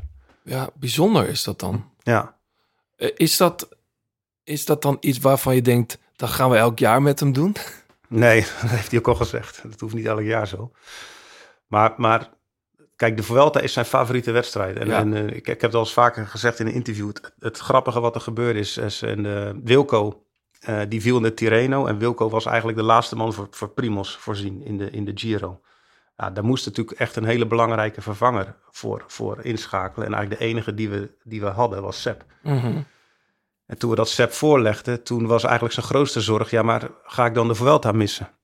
Want jullie gaan me ook niet van de Tour halen. Ik zei, nee, we gaan je ook niet van de Tour halen, Sepp. Nee. En ehm, toen hebben we gewoon afgesproken... nou, we gaan je niet bij voorbaat van de Vuelta halen... omdat we altijd maar zeggen, drie grote rondes kan niet. Laat het gewoon gaan monitoren. Laten we gewoon gaan kijken hoe je door, de tour, hoe je door die tourvoorbereiding komt... hoe je door de Tour komt en, en hoe je er dan voor staat. Nou, en op een gegeven moment haalt hij dus in de, in de laatste week van de Tour nog steeds een heel hoog niveau. Dus hij is, hij is daar niet overdreven kapot of moe. Wel, wel een hele vervelende valpartij gehad. Ja, lang last van gehad. Dus toen heb ik hem ook echt twee weken met rust gelaten. Ik heb gezegd na de Tour, ik, eh, ik, ik adviseer je om dit te doen, maar ik laat je helemaal met rust. Ga naar huis. Eh, zorg gewoon dat je helemaal eh, op je gemak Maar bent, wat comfortabel bent. adviseer je dan? Om, Dat, dat hij na een week weer gaat fietsen. ja. En als het twee uur is, als het voelt dat het twee uur is, maar op zijn op zijn roadbike, mag hij ook zijn mountainbike pakken? Ja. Of? wat hij wil, waar hij zich prettig bij voelt. Mhm. En toen heb ik aan het einde van die twee weken gebeld en gezegd, hoe voel je? Hij zei, ja, ik voel me echt heel erg goed. En, eh, en ik heb zin om, eh, om, eh, om echt de Vuelta goed te gaan voorbereiden. Nou, toen hebben we nog een plan voor 2,5 weken echt goede trainingen gema- gemaakt. En eigenlijk heb ik daar bijna niets in hoeven aanpassen. Eh, eigenlijk alles wat we hadden bedacht, kon hij goed uitvoeren aan een hoog niveau. Ja, dan is er geen reden om te zeggen waarom, waarom zou het niet kunnen. Hij heeft ook buiten die drie grote rondes weinig gekoerst. Ehm, is ook niet nog buiten die grote rondes eh, op trainingskampen geweest. eh, dat hij weer van huis was. Hij is altijd thuis geweest. Helemaal op zijn gemak bij zijn vrouw, bij zijn familie en zo. En dat is voor hem denk ik de sleutel vanuit die ontspanning. Eh, trainen. En, en, en hij vindt het gewoon helemaal niet erg om lang te fietsen of lang te trainen. Nee. Dat is geen opgave. Is het nou zo, dat vraag ik me altijd af, want er- trekken steeds meer renners naar Andorra. Hij woont daar ook, Geesink woont er ook. Ehm Taak van de Hoorn is te gaan wonen, Tijmen Aresman. Heeft te maken met dat je daar goed kan fietsen, ook met andere dingen natuurlijk, zoals eh, belasting, eh, belastingklimaat. Is het nou zo dat met, met Sepp, hè, moet hij, is het wonen in Andorra, betekent dat dat je ook minder op, echt naar, op naar hoogte stages moet? Of is, is het wonen daar al een hoogtestage op zich? Of hoe werkt dat eigenlijk? Ja, maar de meeste jongens wonen niet echt heel hoog daar. Behalve Robert. Ja, Robert woont denk ik 1600 in eh, El Tartar. Maar ehm, ik ben wel van mening, als je een echte hoogtestage doet, moet je, moet je minimaal 2000 meter zitten. 2000 meter slapen in ieder ja, geval. Ja, Ja. ja. Dus, dus eh, zeker, het, het, het helpt een beetje. Maar als je een echte hoogtestage wil doen en echt hoogte-effect wil hebben, moet je nog hoger zitten. Alleen, eh, het is natuurlijk ook niet nadelig. Zeker niet. Maar je moet wel rekening houden dat als je, als je zo hoog bent, dan doet dat ook wat met je herstel.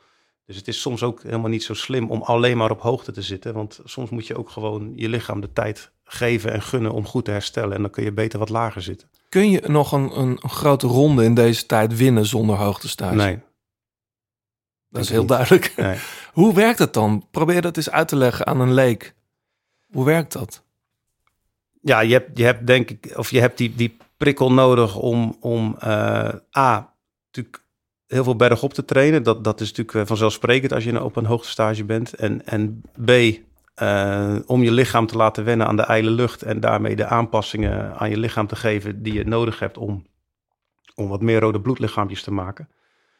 Ehm, en ik denk ook dat zeg maar, die paar weken in afzondering, dat je alleen maar hoeft te denken aan, aan trainen en slapen. En dat in feite je eten ook nog wordt ge- georganiseerd. En dat je, dat je alleen maar op je bed hoeft te liggen. Zeg maar, waardoor je de belastbaarheid enorm eh, groter wordt. Dus je kunt veel meer training aan, omdat je daar buiten helemaal geen stressoren hebt of niks. Mhm.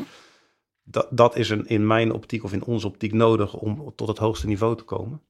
En ik, ik denk dus inderdaad, als je echt een klassement wil rijden in een eh, grote ronde, dat je, dat je hoogtestage nodig hebt. Ja, want er wordt altijd in die stages eh, op hoogte geleefd of geslapen in ieder geval. Maar er wordt vaak beneden getraind in het dal, toch?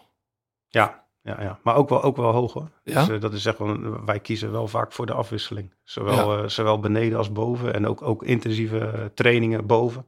Dus wij, wij, zoeken, wij zoeken daarin echt afwisseling. Ja. Ja. ja.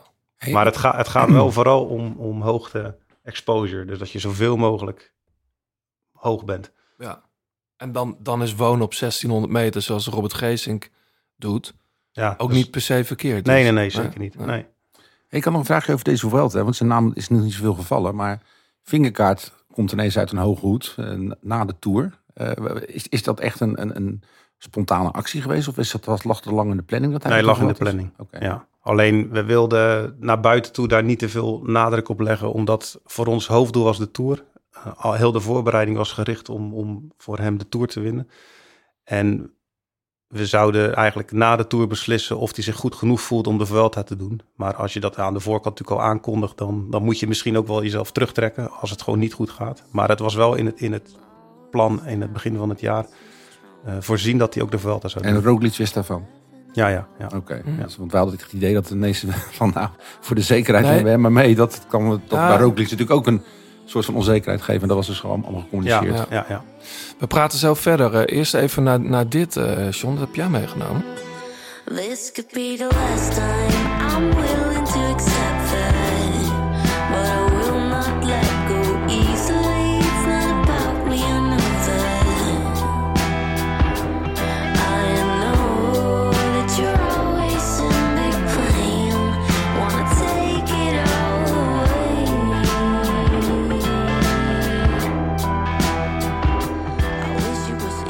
Bijzondere keus voor dat je deze trekt. Eh, tenminste, dit is misschien het minst atypische liedje op de plaat. Of Ik, vind, ik vind het gewoon een hele, een hele mooie single. waar luisteren we naar? Eh, dit is Uit. Een band uit Amsterdam. Frontvrouw is eh, Megan de Klerk.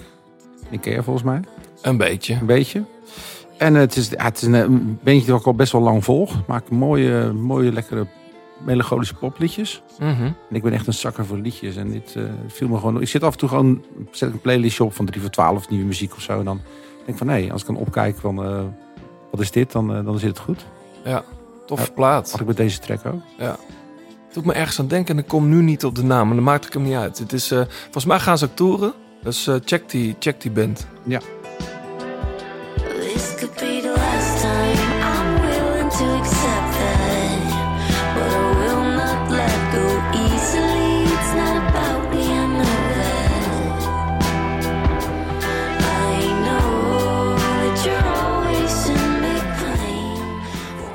Ja, tot zover. Eh, we praten zo verder met, jou, eh, met jou. Eerst even aandacht voor onze eh, titelsponsor Garmin.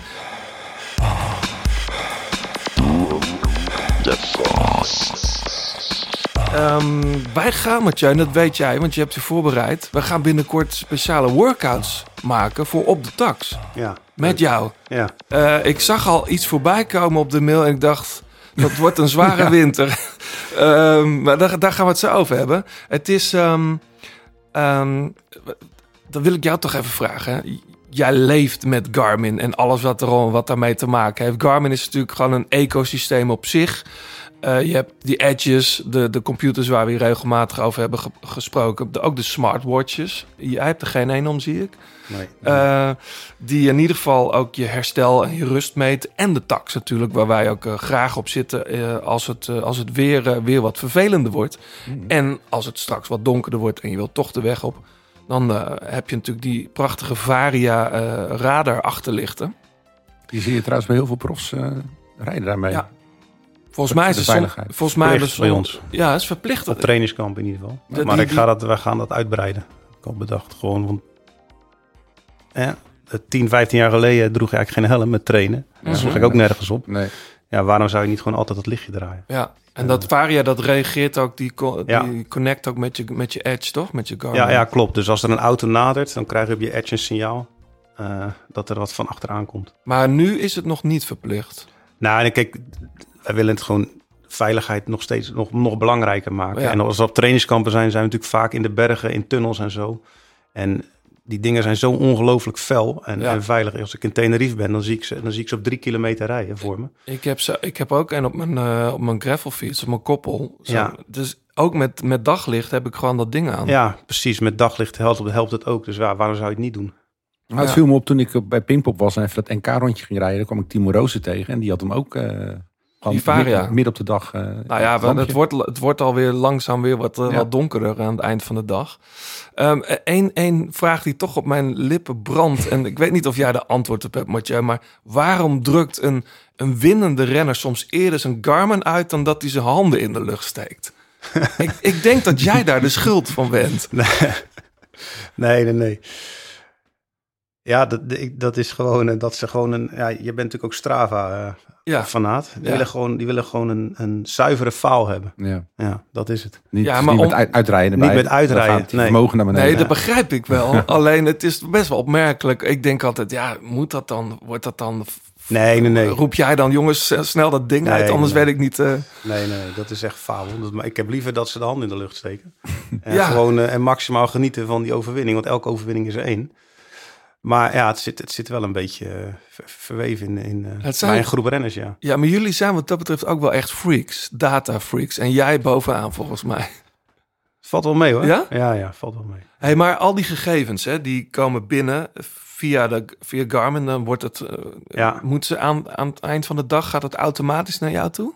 Nee, zodra, zodra ze eigenlijk de Garmin stoppen en ze maken connectie met wifi, dan gaat, dan gaat de, de training of de wedstrijd naar, eh naar Training Peaks. En Mhm. dan, dan heb ik gelijk toegang. Ja, maar zoals bijvoorbeeld eh, vorige week de rit eh, op, naar de Tourmalet, op de Tourmalet. Ja, Dan weet, zit jij s'avonds al te analyseren. ja, Ja. ja. ja. En, en wat krijgen de renners dan terug te horen? Nou, ehm, kijk, je, kunt je kunt op, in, met terugwerkende kracht kun je natuurlijk niks meer veranderen aan die wedstrijd. Maar, maar het is soms wel fijn om, om, om een renner terug te geven van ja, je bent echt aan het groeien in de ronde. En, eh, of, of, je, of je hebt zeg maar een, ja, een beklimming gereden die, die, je, die je bijna nooit hebt gereden, zo goed of zo. Hè? Ja. Dat is heel motiverend. Ja. Eh, ook ook voor, voor wat er daarna komt.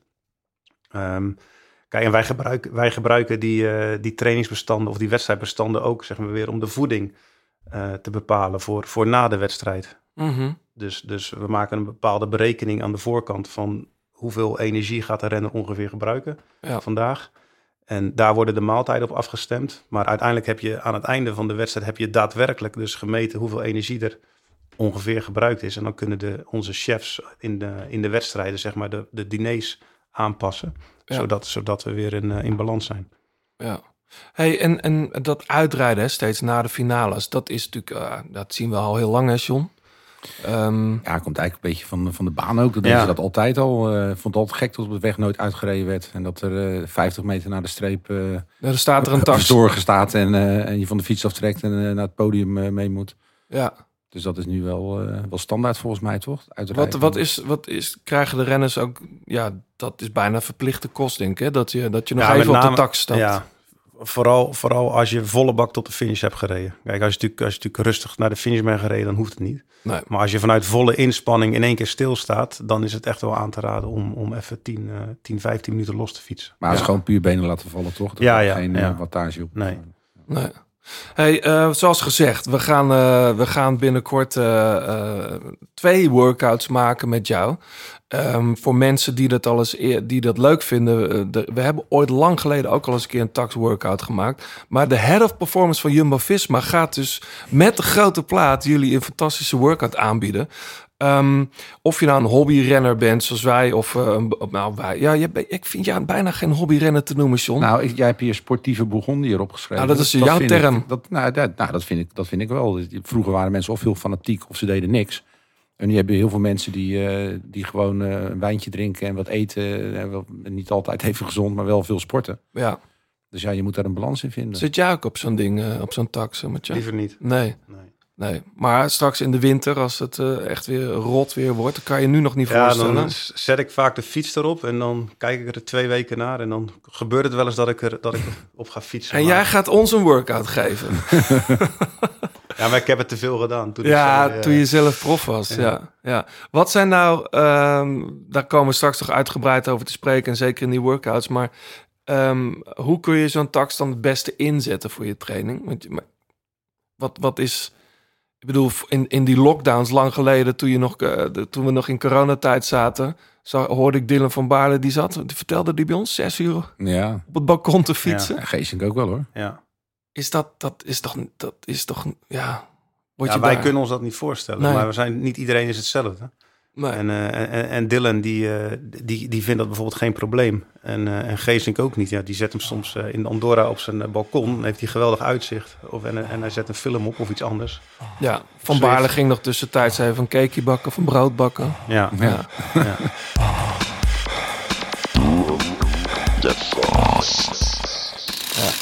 Hey, eh Mathieu, ehm, je hebt muziek meegenomen. Dit vind ik wel het meest opmerkelijke wat je hebt meegenomen. Dat vind ik toch even vet. Dat is een live versie van All Them Witches.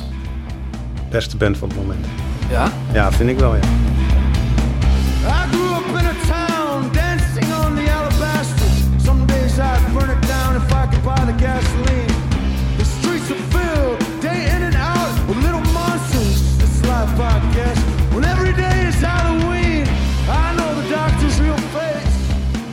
Alabaster heet het liedje. Ja, lekker man. Goed, hè? Ja. Ja. Is, eh, deze versie is, bijna, is meer dan zeven minuten. Is de, de albumversie ook? Of is het alleen de live versie? Nee, dit is een, eh, een live album wat ze hebben gemaakt ehm, in de coronatijd ook. Ja, het is vorig Dus, jaar uitgekomen. Ja, ja, ja. ja. En ja, ze, op het einde gaan ze eigenlijk jammen. Het, het nummer op het album duurt iets minder lang. Maar ja, die gasten zijn zo op elkaar ingespeeld. Echt, echt gigantisch goed, vind ik. Hoe zou, hoe zou jij dit omschrijven als term? Het is bijna een soort hard rock of zo. Bijna ouderwetse, Progrock. beetje southern uh, prog rock. Ja.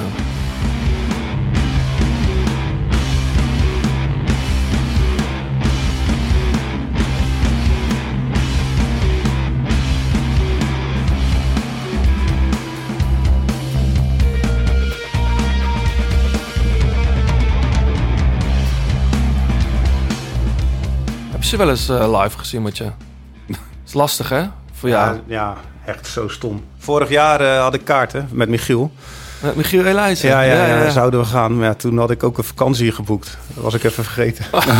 In Nederland toen speelden ze. ja, of, ja, eh, ze zijn wel twee of drie keer nu in, Old- in, ehm, in Paradiso gestaan. Mhm. En, en dat was ook nog pijnlijk. Nou, pijnlijk niet. maar ze hebben ook op Metropolis gestaan in 2019. Zo, had je gratis kunnen zien. Had ik gratis kunnen zien, maar dat was de dag van de ploegentijdrit in Brussel. Ah, Ja, ja, ja, Ja, ja. ja. En Metropolis, eh, een heel tof festival in Rotterdam. Ja. Waar, waar vooral een wat onbekendere beginnende acts spelen. Want volgens mij, als je daar, ik heb er ooit lang geleden gestaan. Als je daar eenmaal bent uitgenodigd, speel je daar ook nooit meer. Nee, Dus die ga je daar niet meer nee, zien. nee, nee, jammer hè. Ah, Ja, de, de Prodigy heeft Prodigy, staan. ja, ja, Ja. ja. En Radiohead denk ik ook. Dat weet ik niet. Hey, wanneer, wanneer zet jij dit soort dingen op, eh Mathieu? Of is het, Eh, als ik aan het werk ben, Ja? als ik in de auto zit. eh, als jij pacings eh, aan het maken bent voor, je, voor de tijdrit eh, pacingschema, dan heb je dit op staan. ja, ja. Ja, ja. ik draai dat heel veel, ja. ja. Ja, ik draai sowieso veel muziek. Ja? Echt fan, ja. Ja. En is muziek dan een soort van arbeidsvitamine voor je? Of kan je dit ook opzetten als je, weet ik veel, eh, aan het chillen bent of zo? Ja, ook. Ja. S'avonds zet ik ook gewoon muziek op. Ja. En eh, ehm, ja, eigenlijk, eigenlijk heel de dag door. En het mooie, ik vind het leuke of het mooie, fijne van muziek is dat je met name nieuwe dingen, nieuwe dingen ontdekken. Wat jij net noemde, zo'n luisterpaal, dat doe ik ook wel eens. ja. Ehm, en, dat wil ik wel even benoemen hier, wij hebben een verzorger in de ploeg, Richard Kremers. Mhm. Hij is gewoon een wandelende metal-encyclopedie. ja. En hij weet heel goed wel van welke muziek ik hou. Dus dan stuurt hij mij elk half jaar een lijstje van allemaal nieuwe bands. Ja, ik weet niet waar die, hoe die eraan komt, maar het is echt allemaal goed. ja. Daar heb ik de, Ja. train- de trainersopleiding van de KMU nog mee gedaan. Ja, ja, ja. Met hem. Ja. God, dat is lang geleden. Maar het is wel grappig dat je dan, eh, tenminste vind ik dan wel leuk. Ik, ik hou ook van dat soort eclectische muzieklijstjes en smaken. Dat je dan van All Them Witches zomaar ineens in Dans Dans terecht gaat komen.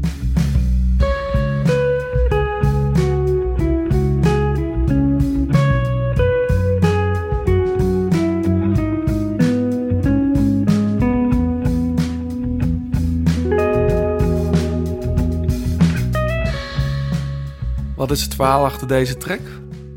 Nou, niet, niet specifiek deze track. Nee. Ik had eigenlijk nog een andere track, maar die was zo lang. Dat ik, ik wist niet zeker of we hem helemaal gingen draaien. Nee, dat maar maar eh, nou, dit is nou precies zo eh, dat ik luisterpaal van 3 voor 12 gewoon een beetje aan het afluisteren was. En in één keer hoorde ik eh, ja, TV Dreams Ja. van, eh, van Dans Dans. Ja. En ik dacht echt, wauw, weet je, echt super gaaf. Dus ja, ik ben alles gaan luisteren. Alles is goed wat ze maken. Ja. Echt een fantastische band.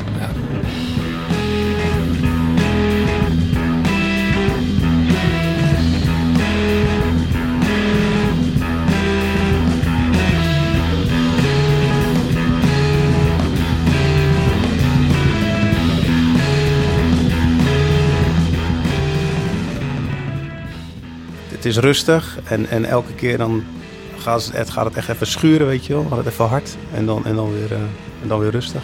Ja. Ik vind echt een eh, geweldige gitarist ook. Laat jij je ook inspireren door muziek? Of is het... Heb je wel eens dat je een track hebt die je lang geleden hebt geluisterd... die, die soort bij je is gaan horen of zo? Dat je, die je altijd, waar je altijd weer naar teruggrijpt in bepaalde tijden? Ja, kijk, ik heb altijd... Muziek is heel belangrijk geweest. En eh, vanaf het moment dat ik me, me voor ben in gaan interesseren... eh, weet je, als cd's gaan kopen. En eigenlijk zeg maar, als ik dan terugdenk aan bijvoorbeeld gebeurtenissen uit mijn jeugd of wat dan ook... dan, dan kan ik dat vaak koppelen aan een album. Weet je, van oh ja, toen luisterde ik dat. Oh ja, dan, dan, toen was ik denk ik 14, weet je. Oh ja, ja, weet je. Nou, dus zo heb je een soort hele Ja, waslijst aan muziek die meegroeit met... terwijl je zelf mee opgroeit. ja.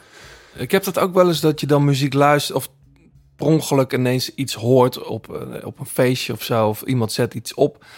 eh, dat je dan terugbrengt naar een tijd die misschien minder leuk was... Mhm. Eh, en dat soort muziek ga je dan soms ook even een tijdje uit de weg. Tenminste, heb je, heb je, Ja. ken je dat? Ja, dat, dat kennen we allemaal natuurlijk wel. Nee, maar je kan het ook opzoeken. Hè? Dat- Ja. ja. Ja, dat is waar. Of troost of... ja. ja, ligt maar wat je, wat je ermee doet. Ik ben eigenlijk ook wel benieuwd naar het verhaal achter de derde track. Ik doe het niet zo vaak, drie nummers, maar... Nee, gaan we wel even aanzetten Ja, natuurlijk. Ja, want deze heb je ook meegenomen, Mathieu. Licht in de badkamer. Als ik dan toch leef, het liefst samen. Waarom zou ik denken en niet delen? Ik wil kapot gaan en niet helen. Ik wil van iemand houden. Afgelopen twee jaar konden we niet om haar heen. Nee. En terecht.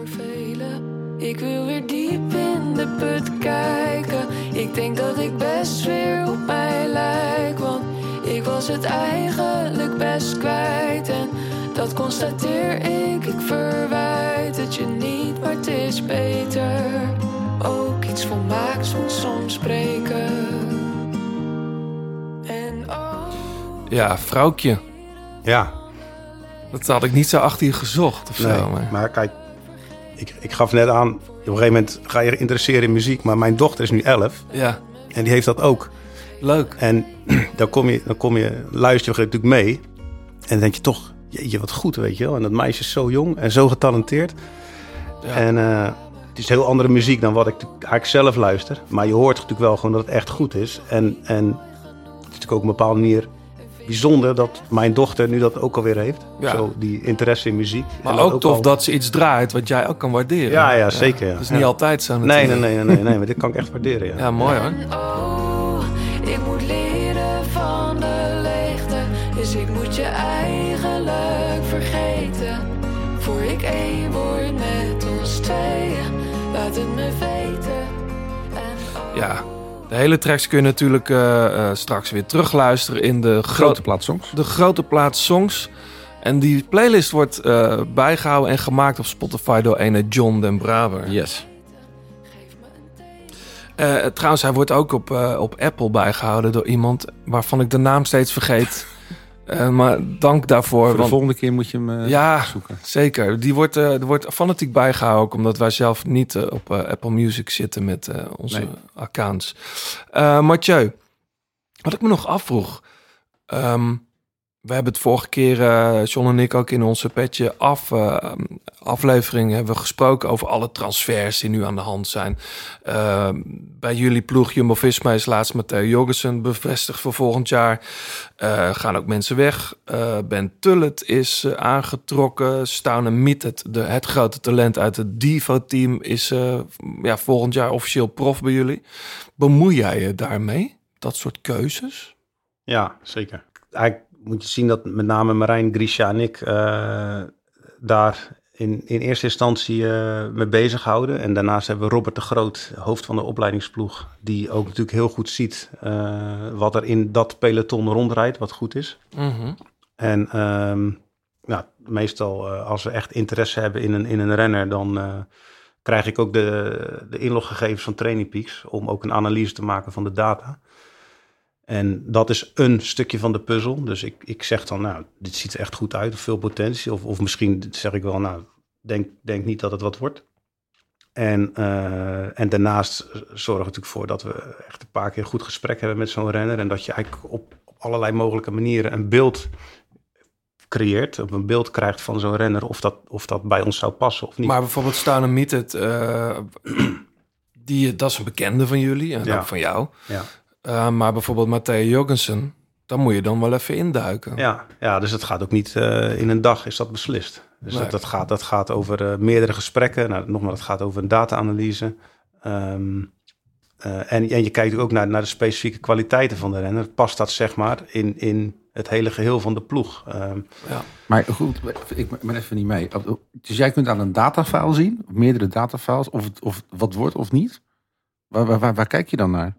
Nou, kijk, kijk naar, naar zijn eh, ehm, bepaalde maximaalwaarde. Dus wat hij heeft gereden over vijf minuten, over twintig minuten. Mhm. eh, wat hij bijvoorbeeld heeft gereden onder vermoeidheid. Ja, Eh, en het is nogmaals, dat is niet, zeg maar, daar valt of staat de beslissing niet mee. Maar Nee. daarmee probeer je eigenlijk een, een, een plaatje te creëren waarin je, dat zo compleet mogelijk is. ja. Daarnaast doen we ook wel eens psychologische vragenlijsten om op, op, op, op dat aspect een beter beeld te krijgen van een renner. Dus, dus er gaat echt wel een lang proces aan vooraf voordat je uiteindelijk toehapt en zegt we, we gaan uh, we aan in onderhandeling. Want dan moet je natuurlijk ook nog op dat gebied uitkomen. ja. Maar zo'n Jurgensen, die zien natuurlijk ook de stenen de straat rijden in het voorjaar. Dus dan, uh, Ja, dat is natuurlijk voor ons een heel interessante renner, omdat hij heel erg compleet is. Hè? Dus die, die heeft in Parijs-Nice uh, heel goed gereden, uh, bergop in de klassiekers goed gereden. En, en ja, dat zijn wel de, de type renners waar wij naar op zoek zijn, die, die op meerdere terreinen inzetbaar zijn. Maar dit, dat, dat, dat gaat ook allemaal van die verhalen rond van ja, maar hij kan zo goed afzien. Weet je? Dus uh, die testen zijn slecht, maar ja, ja. ik, ik kan, kan, me wel eens herinneren dat ik bij, uh, voor mij zit hij nog bij jullie ploeg, uh, die ook bij de hockey heeft gezeten, die arts. Verstappen. Ja, Verstappen, dat die had zo'n zo'n lijstje aan de muur hangen. En Ja. dan zag je de, de, de, zeg maar de, de hoogste waarde van... Ja, Nou, en de, de top 5, dat waren allemaal jongens die... die- Ja, die, bedoel, Nee, klopt, De Ronald klopt. Van deze wereld. Ja. je, nee, maar daarom zeg ik, het is niet de doorslaggevende factor. Alleen, alleen als je bijvoorbeeld een, een hele lage VO2 max hebt, om het dan maar zo te zeggen, dan weet je in ieder geval zeker dat het niks wordt. Ja. En als je een hele hoge VO2 max hebt, heb je in ieder geval aan die voorwaarden voldaan om, een, om mogelijk een goede beroepsrenner te, te worden. Ja. En er zijn natuurlijk nog heel veel meer factoren. En die, menta die mentale component eh, kun je afzien, kun je doorzetten. Kun je zelf in de spiegel kijken van... ik heb het nu zo gedaan, was niet goed. Ik ga mezelf verbeteren. Eh, zit je niet na één teleurstelling eh, drie weken in de put? Weet Ja. je, de, al die aspecten, die zijn, die zijn minstens even belangrijk. Daar is een psychologische lijst dan voor ja, bijvoorbeeld. ja, ja. Interessant. Ja. Ja. Is, Hey. is- werken jullie ook met een psycholoog trouwens in de ploeg?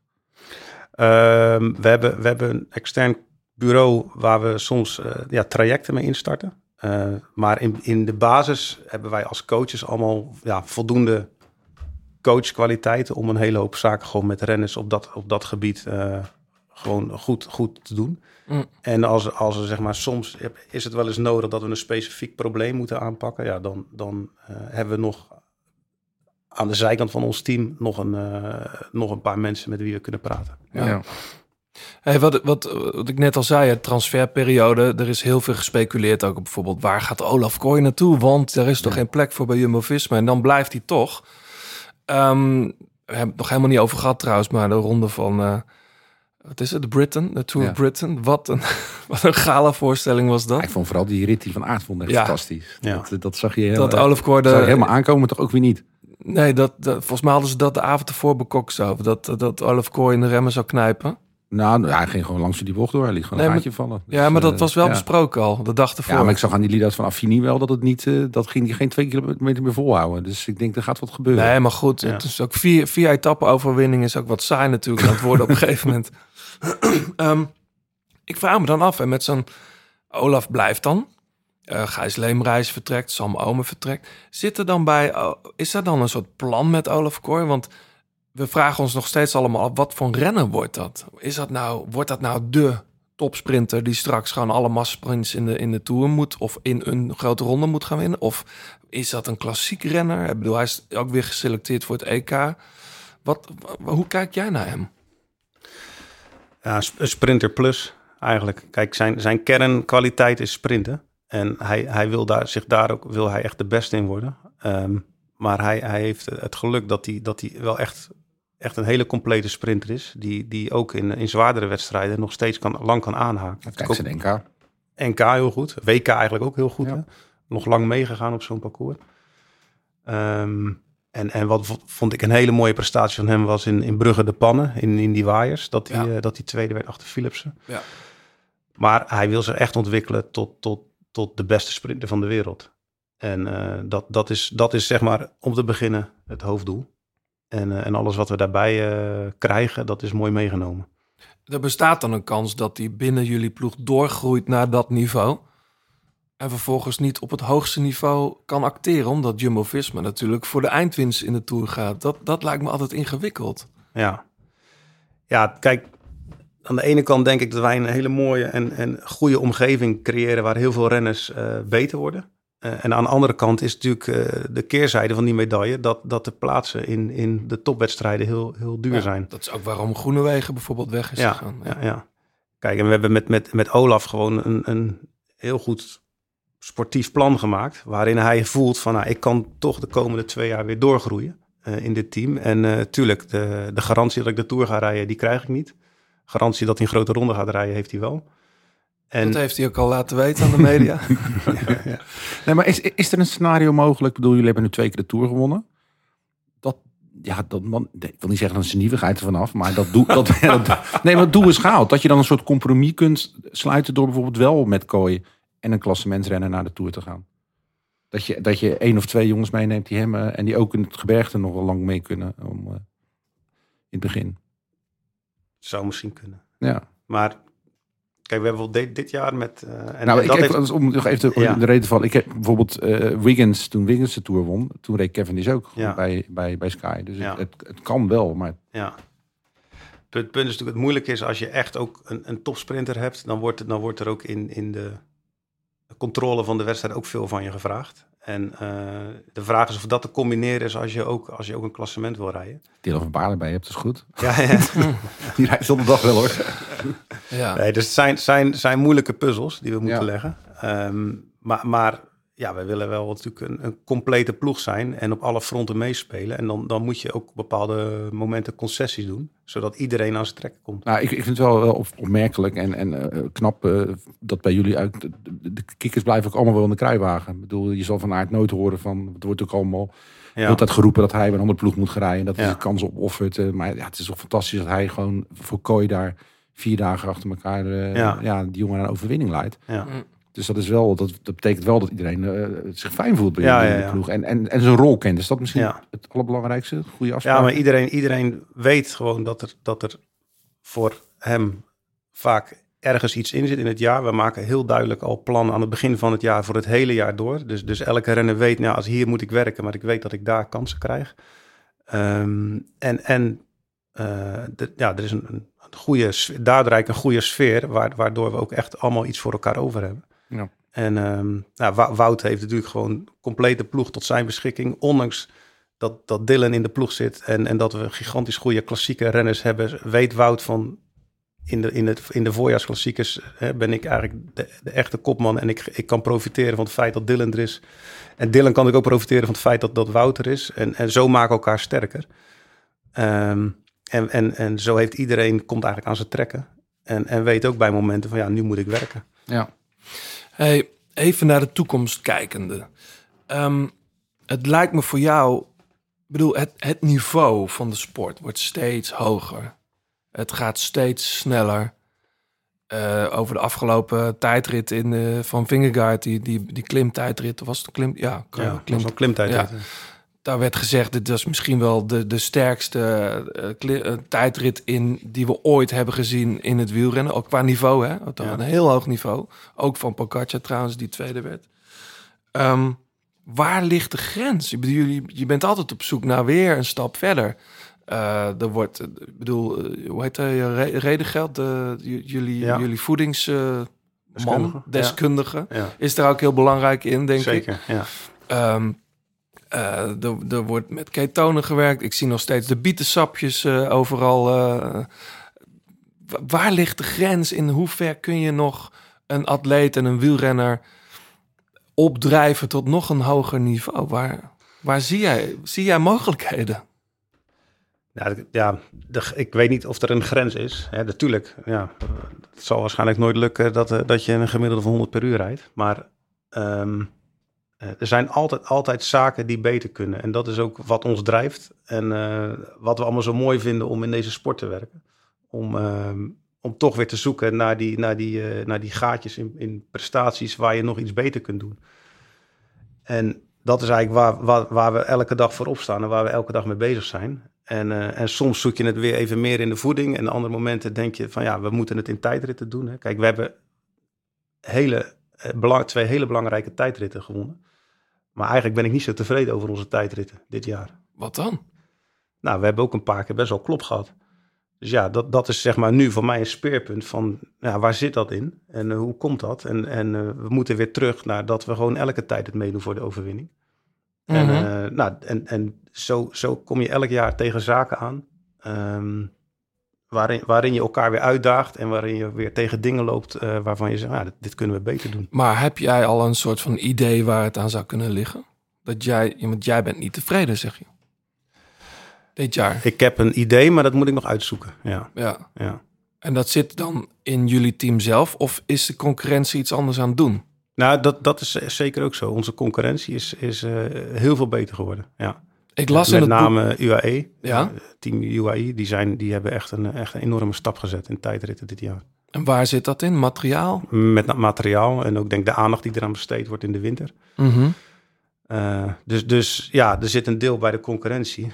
Maar uiteindelijk is onze job om er weer te zorgen dat wij de concurrentie voor blijven. Ja. Dus eh, ja, ik heb weer werk deze winter. Ik las in het boek van Nando Boers dat Wout van Aert soms voor een tijdrit zijn mond spoelt met suikerwater. Om dat vervolgens weer uit te spugen. Ja. Wat is dat voor iets? Ja, dat is, gewoon, dat is gewoon dorstlessen. Ja. Dus het is niks bijzonders. Nee. Alleen, eh, kijk, als je, als je eh, koolhydraten inneemt, hè, dan kost het even tijd voordat het opgenomen wordt en dat je daar effect van hebt. Maar je hebt eigenlijk via het zenuwstelsel, dus als het al in je mond komt, heb je in ieder geval een signaal naar de hersenen, waardoor je wat meer energie vrij kunt maken. Dus dat, dat is eigenlijk de reden waarom je dat doet, dat je eigenlijk heel snel een kleine kick hebt. Oké, maar het is niet een soort, want het leek alsof of je daarmee het lichaam soort van fopt of zo. Waardoor er wordt, er wordt iets Dat aan. is het eigenlijk wat hij zegt. Ja, ja. Oh ja. Ja, ja dus, dus eigenlijk de, in het lichaam krijgt via de hersenen al een signaal van oké, er komt suiker aan, dus we gaan, eh, eh, we gaan gas geven. Ja, Eh, en natuurlijk, om die suikers echt te verbranden als energiebron, moet het, nou, de maag, darmen enzovoort. Eh, Ja. Maar in je, in je mond heb je al sensoren die, die, eh, die, zeg maar, die glucose eigenlijk eh, registreren. En daardoor, dat je daardoor al een effect hebt. ik las eh, dit jaar, dat is ook wel veel in de media geweest, dat het gebruik van bicarbonaat, gewoon baksoda in het, in het eh, profielrennen, dat schijnt best veel te gebeuren. Ik vind dat dan interessant. Ik kocht ook zo'n potje, John. Ah, Mijn broer ook, hè? Ja. Alleen toen las ik hoeveel je er eigenlijk van moet innemen om er überhaupt iets aan te hebben. Dat slaat helemaal nergens op. Maar leg eens uit wat dat is. Want het schijnt een soort van tegen verzuring te werken. Ja, bicarbonaat is, is iets wat echt al heel lang gebruikt wordt. Ja. Dus dat is niet iets nieuws. Nee. Ehm, en met name in, in exclusieve sporten heeft het zin, omdat je in met exclusieve sporten eh, of een exclusieve inspanning eh, bouw je snel lactaat op. Mhm. En bicarbonaat eh, vangt dat als het ware weg. Dus je hebt eigenlijk wat minder snel last van die negatieve gevolgen van, van lactaatopbouw. Ja. En, en dat is wat het doet. Dus het remt niet die lactaatopbouw, maar het, het vangt eigenlijk het, eh, het opgebouwde lactaat wat sneller weg. Ja, dus in een, in een finale, de, de laatste 30 kilometer, als je verwacht, nou, de, een van de renners moet echt die volle finale mee, dan, dan wordt daar nog wat. Ja, En dan helpt het dan ook op zulke korte termijn dus. nee, je moet het wel timen. Dus je moet het wel, eh, wel eh, vroeg genoeg nemen om daar op het juiste moment effect van te hebben. Dus ik kan het ook te vroeg nemen. Ja, ja. Godsamme, ja. Ik vraag me ook heel vaak af hoe groot het placebo-effect is. Weet je, als jij dingen gebruikt waarvan je denkt van nou dat helpt mij, dat je daardoor al beter wordt. Nou, placebo is gewoon een wetenschappelijk bewezen effect natuurlijk. Dus dat werkt sowieso. Alleen er zullen, dit is ja toch geen. eh, het is toch wel onderzocht dat bicarbonaat in Ja, ieder ja. geval. Ja. Hetzelfde geldt voor ketonen, toch? ja. Dat zijn trouwens verdomd dure flesjes. Heb ik ook wel eens nagezocht. Ben je wat van plan, Johannes? Nee, ik Eh, heb geen ambities. Nee, Ron- maar Ron ik- van Kaatrecht is volgend jaar weer. Dus, eh, Oh ja? ja, Als Mathieu meedoet, dan, eh, dan vraag ik eerst wel even een trainingsschemaatje. Nee, want eh, over trainingsschema's gesproken. Matteo Jorgensen komt volgend jaar bij jullie ploeg. Dan is die in, in, het, in dit najaar al een beetje met jullie in contact over wat gaat er allemaal gebeuren. Wanneer ga je voor het eerst bijvoorbeeld, wordt er voor hem een trainingsschema gemaakt? Van, even los van, van de, de doelen natuurlijk die er Ja. gesteld worden. ja, ik denk half november. Ja, Ja. half november. We zien hem eh, eind oktober eh, voor het eerst bij ons. En dan wat, wat spullen passen, kleding passen, schoenen passen, dat soort zaken. Ja, En dan eh een gesprek met zijn trainer. Moeten nog, moet nog bepalen wie van onze vier trainers zijn trainer wordt. Ehm, en ja, vanaf dat moment ga je een plan maken. En meestal half november, eind november ehm, gaan we echt met trainingsschema's werken. Denk je dat het een grote overgang voor hem gaat worden? Van Mobistar naar Jumbo-Visma? Ik denk het wel, ja. ja. Want hij is, hij is natuurlijk ook veel gewend geweest. Heeft hij ook zelf eh, op social media gezet dat hij heel veel zelf heeft geregeld. Ja, Nou, wij, wij willen eigenlijk zoveel mogelijk voor de renners regelen. Dus daarin ons zorgen. Maar ook omdat we heel veel dingen samen willen doen. ja. Nou, dat soort zaken, daar hoeft hij zich als het goed is niet meer zorgen om te maken. Nee, Eigen trainingskampen betalen en zo. Nee dat, eh, ik las dat ook. Ja, Gek, gekkigheid. Tenminste op, dat, op dit niveau, toch? Ja. Ehm, we gaan zo naar de laatste kilometer. Ik wilde jullie dit nog even meegeven.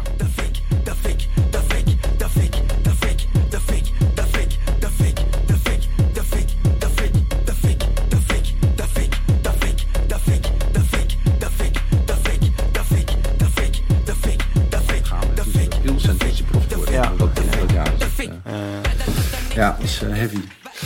Ja, zitten jullie te genieten? Nee, we zaten even eh, onder ons shit. Ja. Ik heb deze track al heel veel gedraaid. Eh, De Fik is eh, van De Fik 3.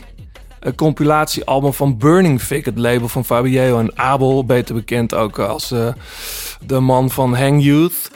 Ehm, Passiecut heet dit liedje. Dat is natuurlijk een term uit de hip-hop. Waarbij heel veel verschillende mensen eh, zeg maar, hun eh, spit doen.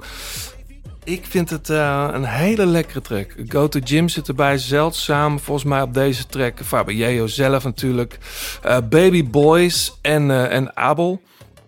Ehm, staat dus op de Fik 3. Eh, De opvolger van de Fik 1. Er is geen de Fik Uiteraard. 2. En ook yeah yo. Al mijn baby's gaan nepo. OG, geen duplicaten, geen repos. Wordt veel geskild, like Spaartse ook zegels.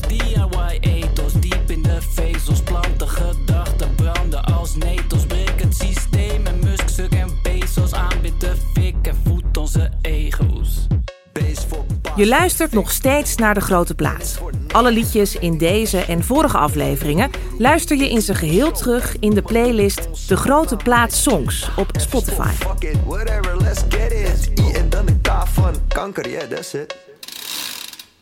We zitten in de laatste kilometer, Mathieu. Wat we dan altijd doen is vooruitblikken. ehm, naar wat komen gaat. Nou, we zitten nog midden in de Vuelta. Vandaag dus de Angliru, als je dit op woensdag luistert. Ehm, ga je goed in je pool, eh, John? Nou, nee. Nee, ik had, ik had eh, nou, ik sta ergens middenin, maar ik had vingerkaart niet genomen, omdat ik dacht, die, die kan nooit een, eh, nog een grote ronde op zo'n niveau hoog goed presteren. Dus Mhm. ja, die punten mis ik gewoon, Ja, helaas. ik was een paar keer gewoon vergeten. Ja, ik zag het een keer, ja. Ik ehm, Met je Marijn van den Berg eh, als kopman in de... Ja, was gewoon doorgekopieerd. eh, nee, ik, eh, ik was het gewoon glad vergeten om niet om de, de Vuelta te volgen, maar om die Scorito-lijstje in te vullen. Ik, ik had een druk. Oh. Nou, ik, ik had een beetje het gevoel van zo'n zo'n kind wat het schaakbord omgooit. Weet je, ik zat toch niet hoog, dan vul ik hem niet meer in. Dan, Nee, nee, nee. Eh, Verre van. Ik ben, ik heb regelmatig. eh, ik had al een paar keer de goede man in de vlucht. Ja, ja, ja, sterker nog, je had een... eh, wie- wie was het ook weer? Andreas Kroon sowieso. Kroon ja, ja. Goed, vandaag dus op woensdag de 17e etappe. ehm, ja, de Alto, de, de Langliru. Vreselijk ding. Ben jij wel eens opgefietst? Zou je het willen? Nee, ook niet. Wat geef je nou renners mee? Eh, die zo'n helse etappe staat, eh, staat ja, te dat, wachten. dat, dat ze waar, waar mogelijk energie sparen.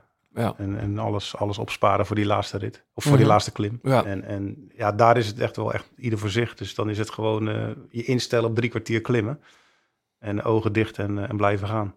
Als Roglic nou een superbenen heeft die dag... en hij denkt, ja, ik krijg gewoon mijn eigen tempo... maar de rest kan niet volgen. Ja. Of moet hij dan toch een, be- moet hij daar een beetje inhouden, John?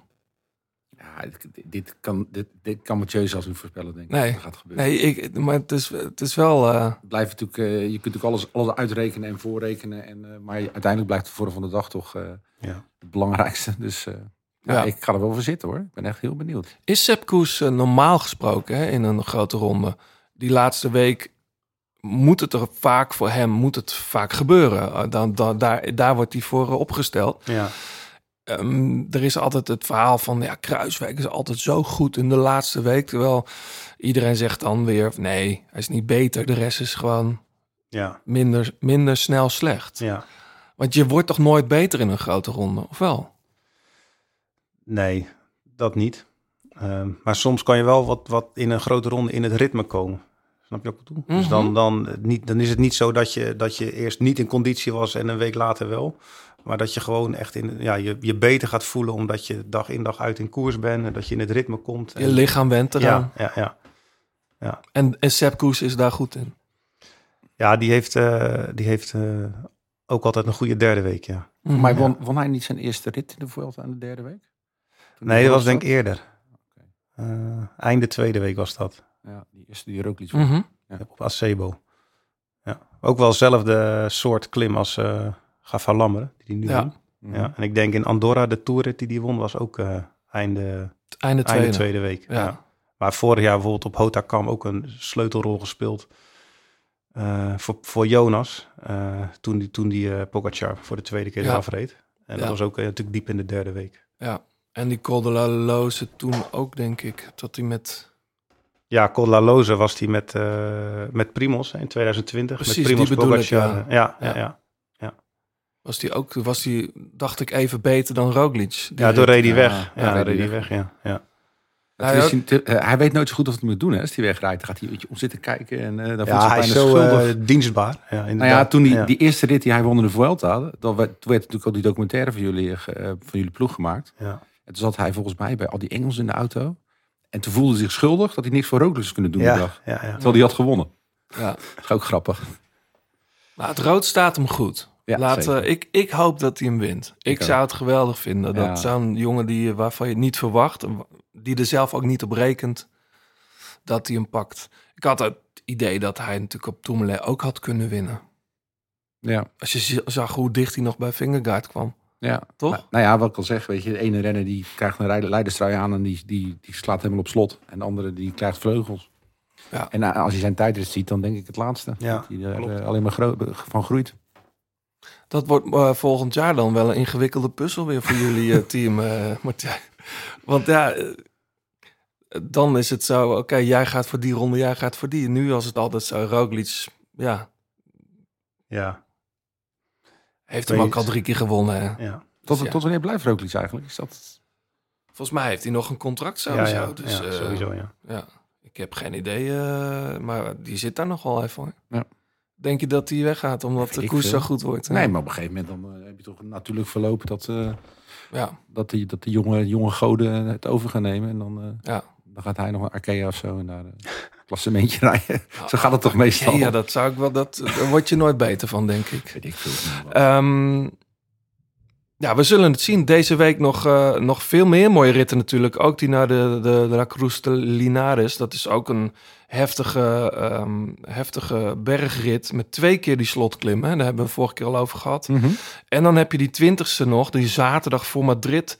Dat is ook een hele gekke. Een slopende is dat. Heel ja, eh, heel moeilijk te controleren ook. Ja. Dus dat is echt, eh, daarom ja, hopen wij natuurlijk dat donderdag, dat de verschillen nog groter zijn. Ja, Dat, daar, eh, dat we in die rit hopelijk een bepaalde controle en rust kunnen creëren. Want dat is echt een, echt een hele moeilijke rit, ja. ja.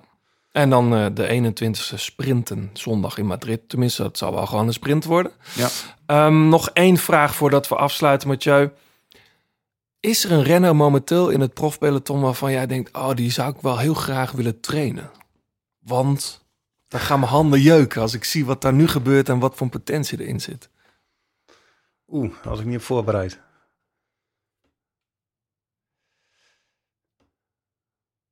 Ja, die, die renner, die komt bij ons. En dat is Jorgensen. Ja? Ja. Daar, En, daar eh, heb jij wel zin in ja. als trainer. Ja. Ja. Gewoon eh, zo compleet, eh, ja, goede tijdrijden. Daar heb ik- al sowieso iets mee. Eh, maar vooral dat, dat, die compleetheid vind ik gewoon heel interessant. Dus dat lijkt me gewoon geweldig om, om zo'n jongen nog beter te maken. Ook, ook in het tijdrijden. Maar het is natuurlijk super uitdagend. En ook, eh, hoe zeg je dat, eh, dat, dat, dat het fijn voelt dat je, dat je zo'n jongen in, bijvoorbeeld in de klassiekers kan laten renderen. Maar daarna ook weer in, eh, in een grote ronde. Het wordt een soort nieuwe Dylan van Baarle eigenlijk. Ja, maar laat het maar niet horen. Want Dylan is nog veel te goed. Dus die, eh, Ja. die is onvervangbaar. Nee, maar het, het type dat je eigenlijk zegt... we willen gewoon een topper in de klassiekers... die ook gewoon straks in de Alpenkools gewoon Ja. eh, eh, tot op de laatste call misschien erbij is. Ja, Ja, maar het is gek dat, dat in, het- in het wielrennen wordt er altijd heel gek, heel spastisch gedaan als er twee renners komen die allebei goed zijn. Ik bedoel, elke goede voetbalploeg heeft ook twee goede spitsen. En er zit er ook eentje van op de bank. En Dus die kan ook niet altijd spelen. Dus het is alleen maar verstandig dat je een beetje in de breedte goed, eh, goed voor de dag kan komen. Ja. Veel succes deze week nog. Dankjewel. Ja. Ja. Eh, nogmaals, heel leuk dat je er was. We gaan dus die workouts nog eh, maken met jou. Die komen, ja, zodra het vies weer wordt buiten, gaan we die natuurlijk online zetten. Want dan klimt iedereen de tax weer op. Ehm, ik hoor Rose Murphy al in mijn oren, want de toegift is van eh, haar en DJ Kozen. Ehm, vergeet niet trouwens dat je ook supporter kunt worden van de Grote Plaat. Dat kan voor minder dan de gemiddelde prijs van een cappuccino. eh, namelijk 3 euro per maand of 30 euro per jaar. Ehm, wat krijg je daar allemaal voor terug? Nou, exclusieve opnames. Binnenkort dus ook die splinternieuwe opname die we nog gaan maken eh, over het einde van het tijdperk Annemiek van Vleuten. Ehm, en er komen natuurlijk hele mooie nieuwe wielershirts aan van de grote plaat. Ik kan ook niet wachten om daarin te gaan rijden. Eh, zodra die foto's beschikbaar zijn, knallen we die online. Want die kun je ook gewoon kopen. En de mensen die eh, supporter zijn van eh via Petje Af, krijgen voorrang en misschien zelfs korting. Dat was een hele zinvolle. Je moet ademhalen zelfs. John, willen we nog mensen bedanken? Tuurlijk. Ehm, nou ja, allereerst onze, onze titelsponsors Garmin en Tax. eh, Fleur Wallenburg voor het uitlenen van haar prachtige stem. En 36 Cycling voor de fietskleding die je hier kunt winnen. Laat even een reactie achter op Apple Podcast of Insta, de Grote Plaat.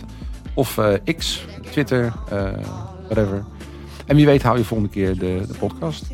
Tot zover. Ja, tot de volgende. We zijn in ieder geval weer terug met de reguliere uitzending zo vlak voor de Ronde van Lombardije. En een leuke gast eh, binnenkort. Heel veel leuke gasten. Ja. blowing pieces splinter. Ooh, it hurts so bad,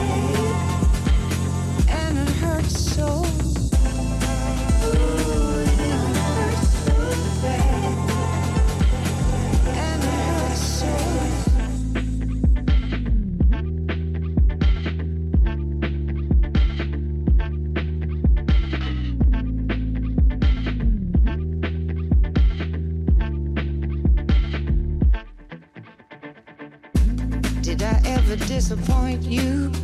Did I disappoint you? Did I get it wrong? Did I get it wrong all along? You were sending signals. You sent certain signals to me. Posting me a bomb. And if I open it, I'm gone, gone, gone. Blowing pieces splinters.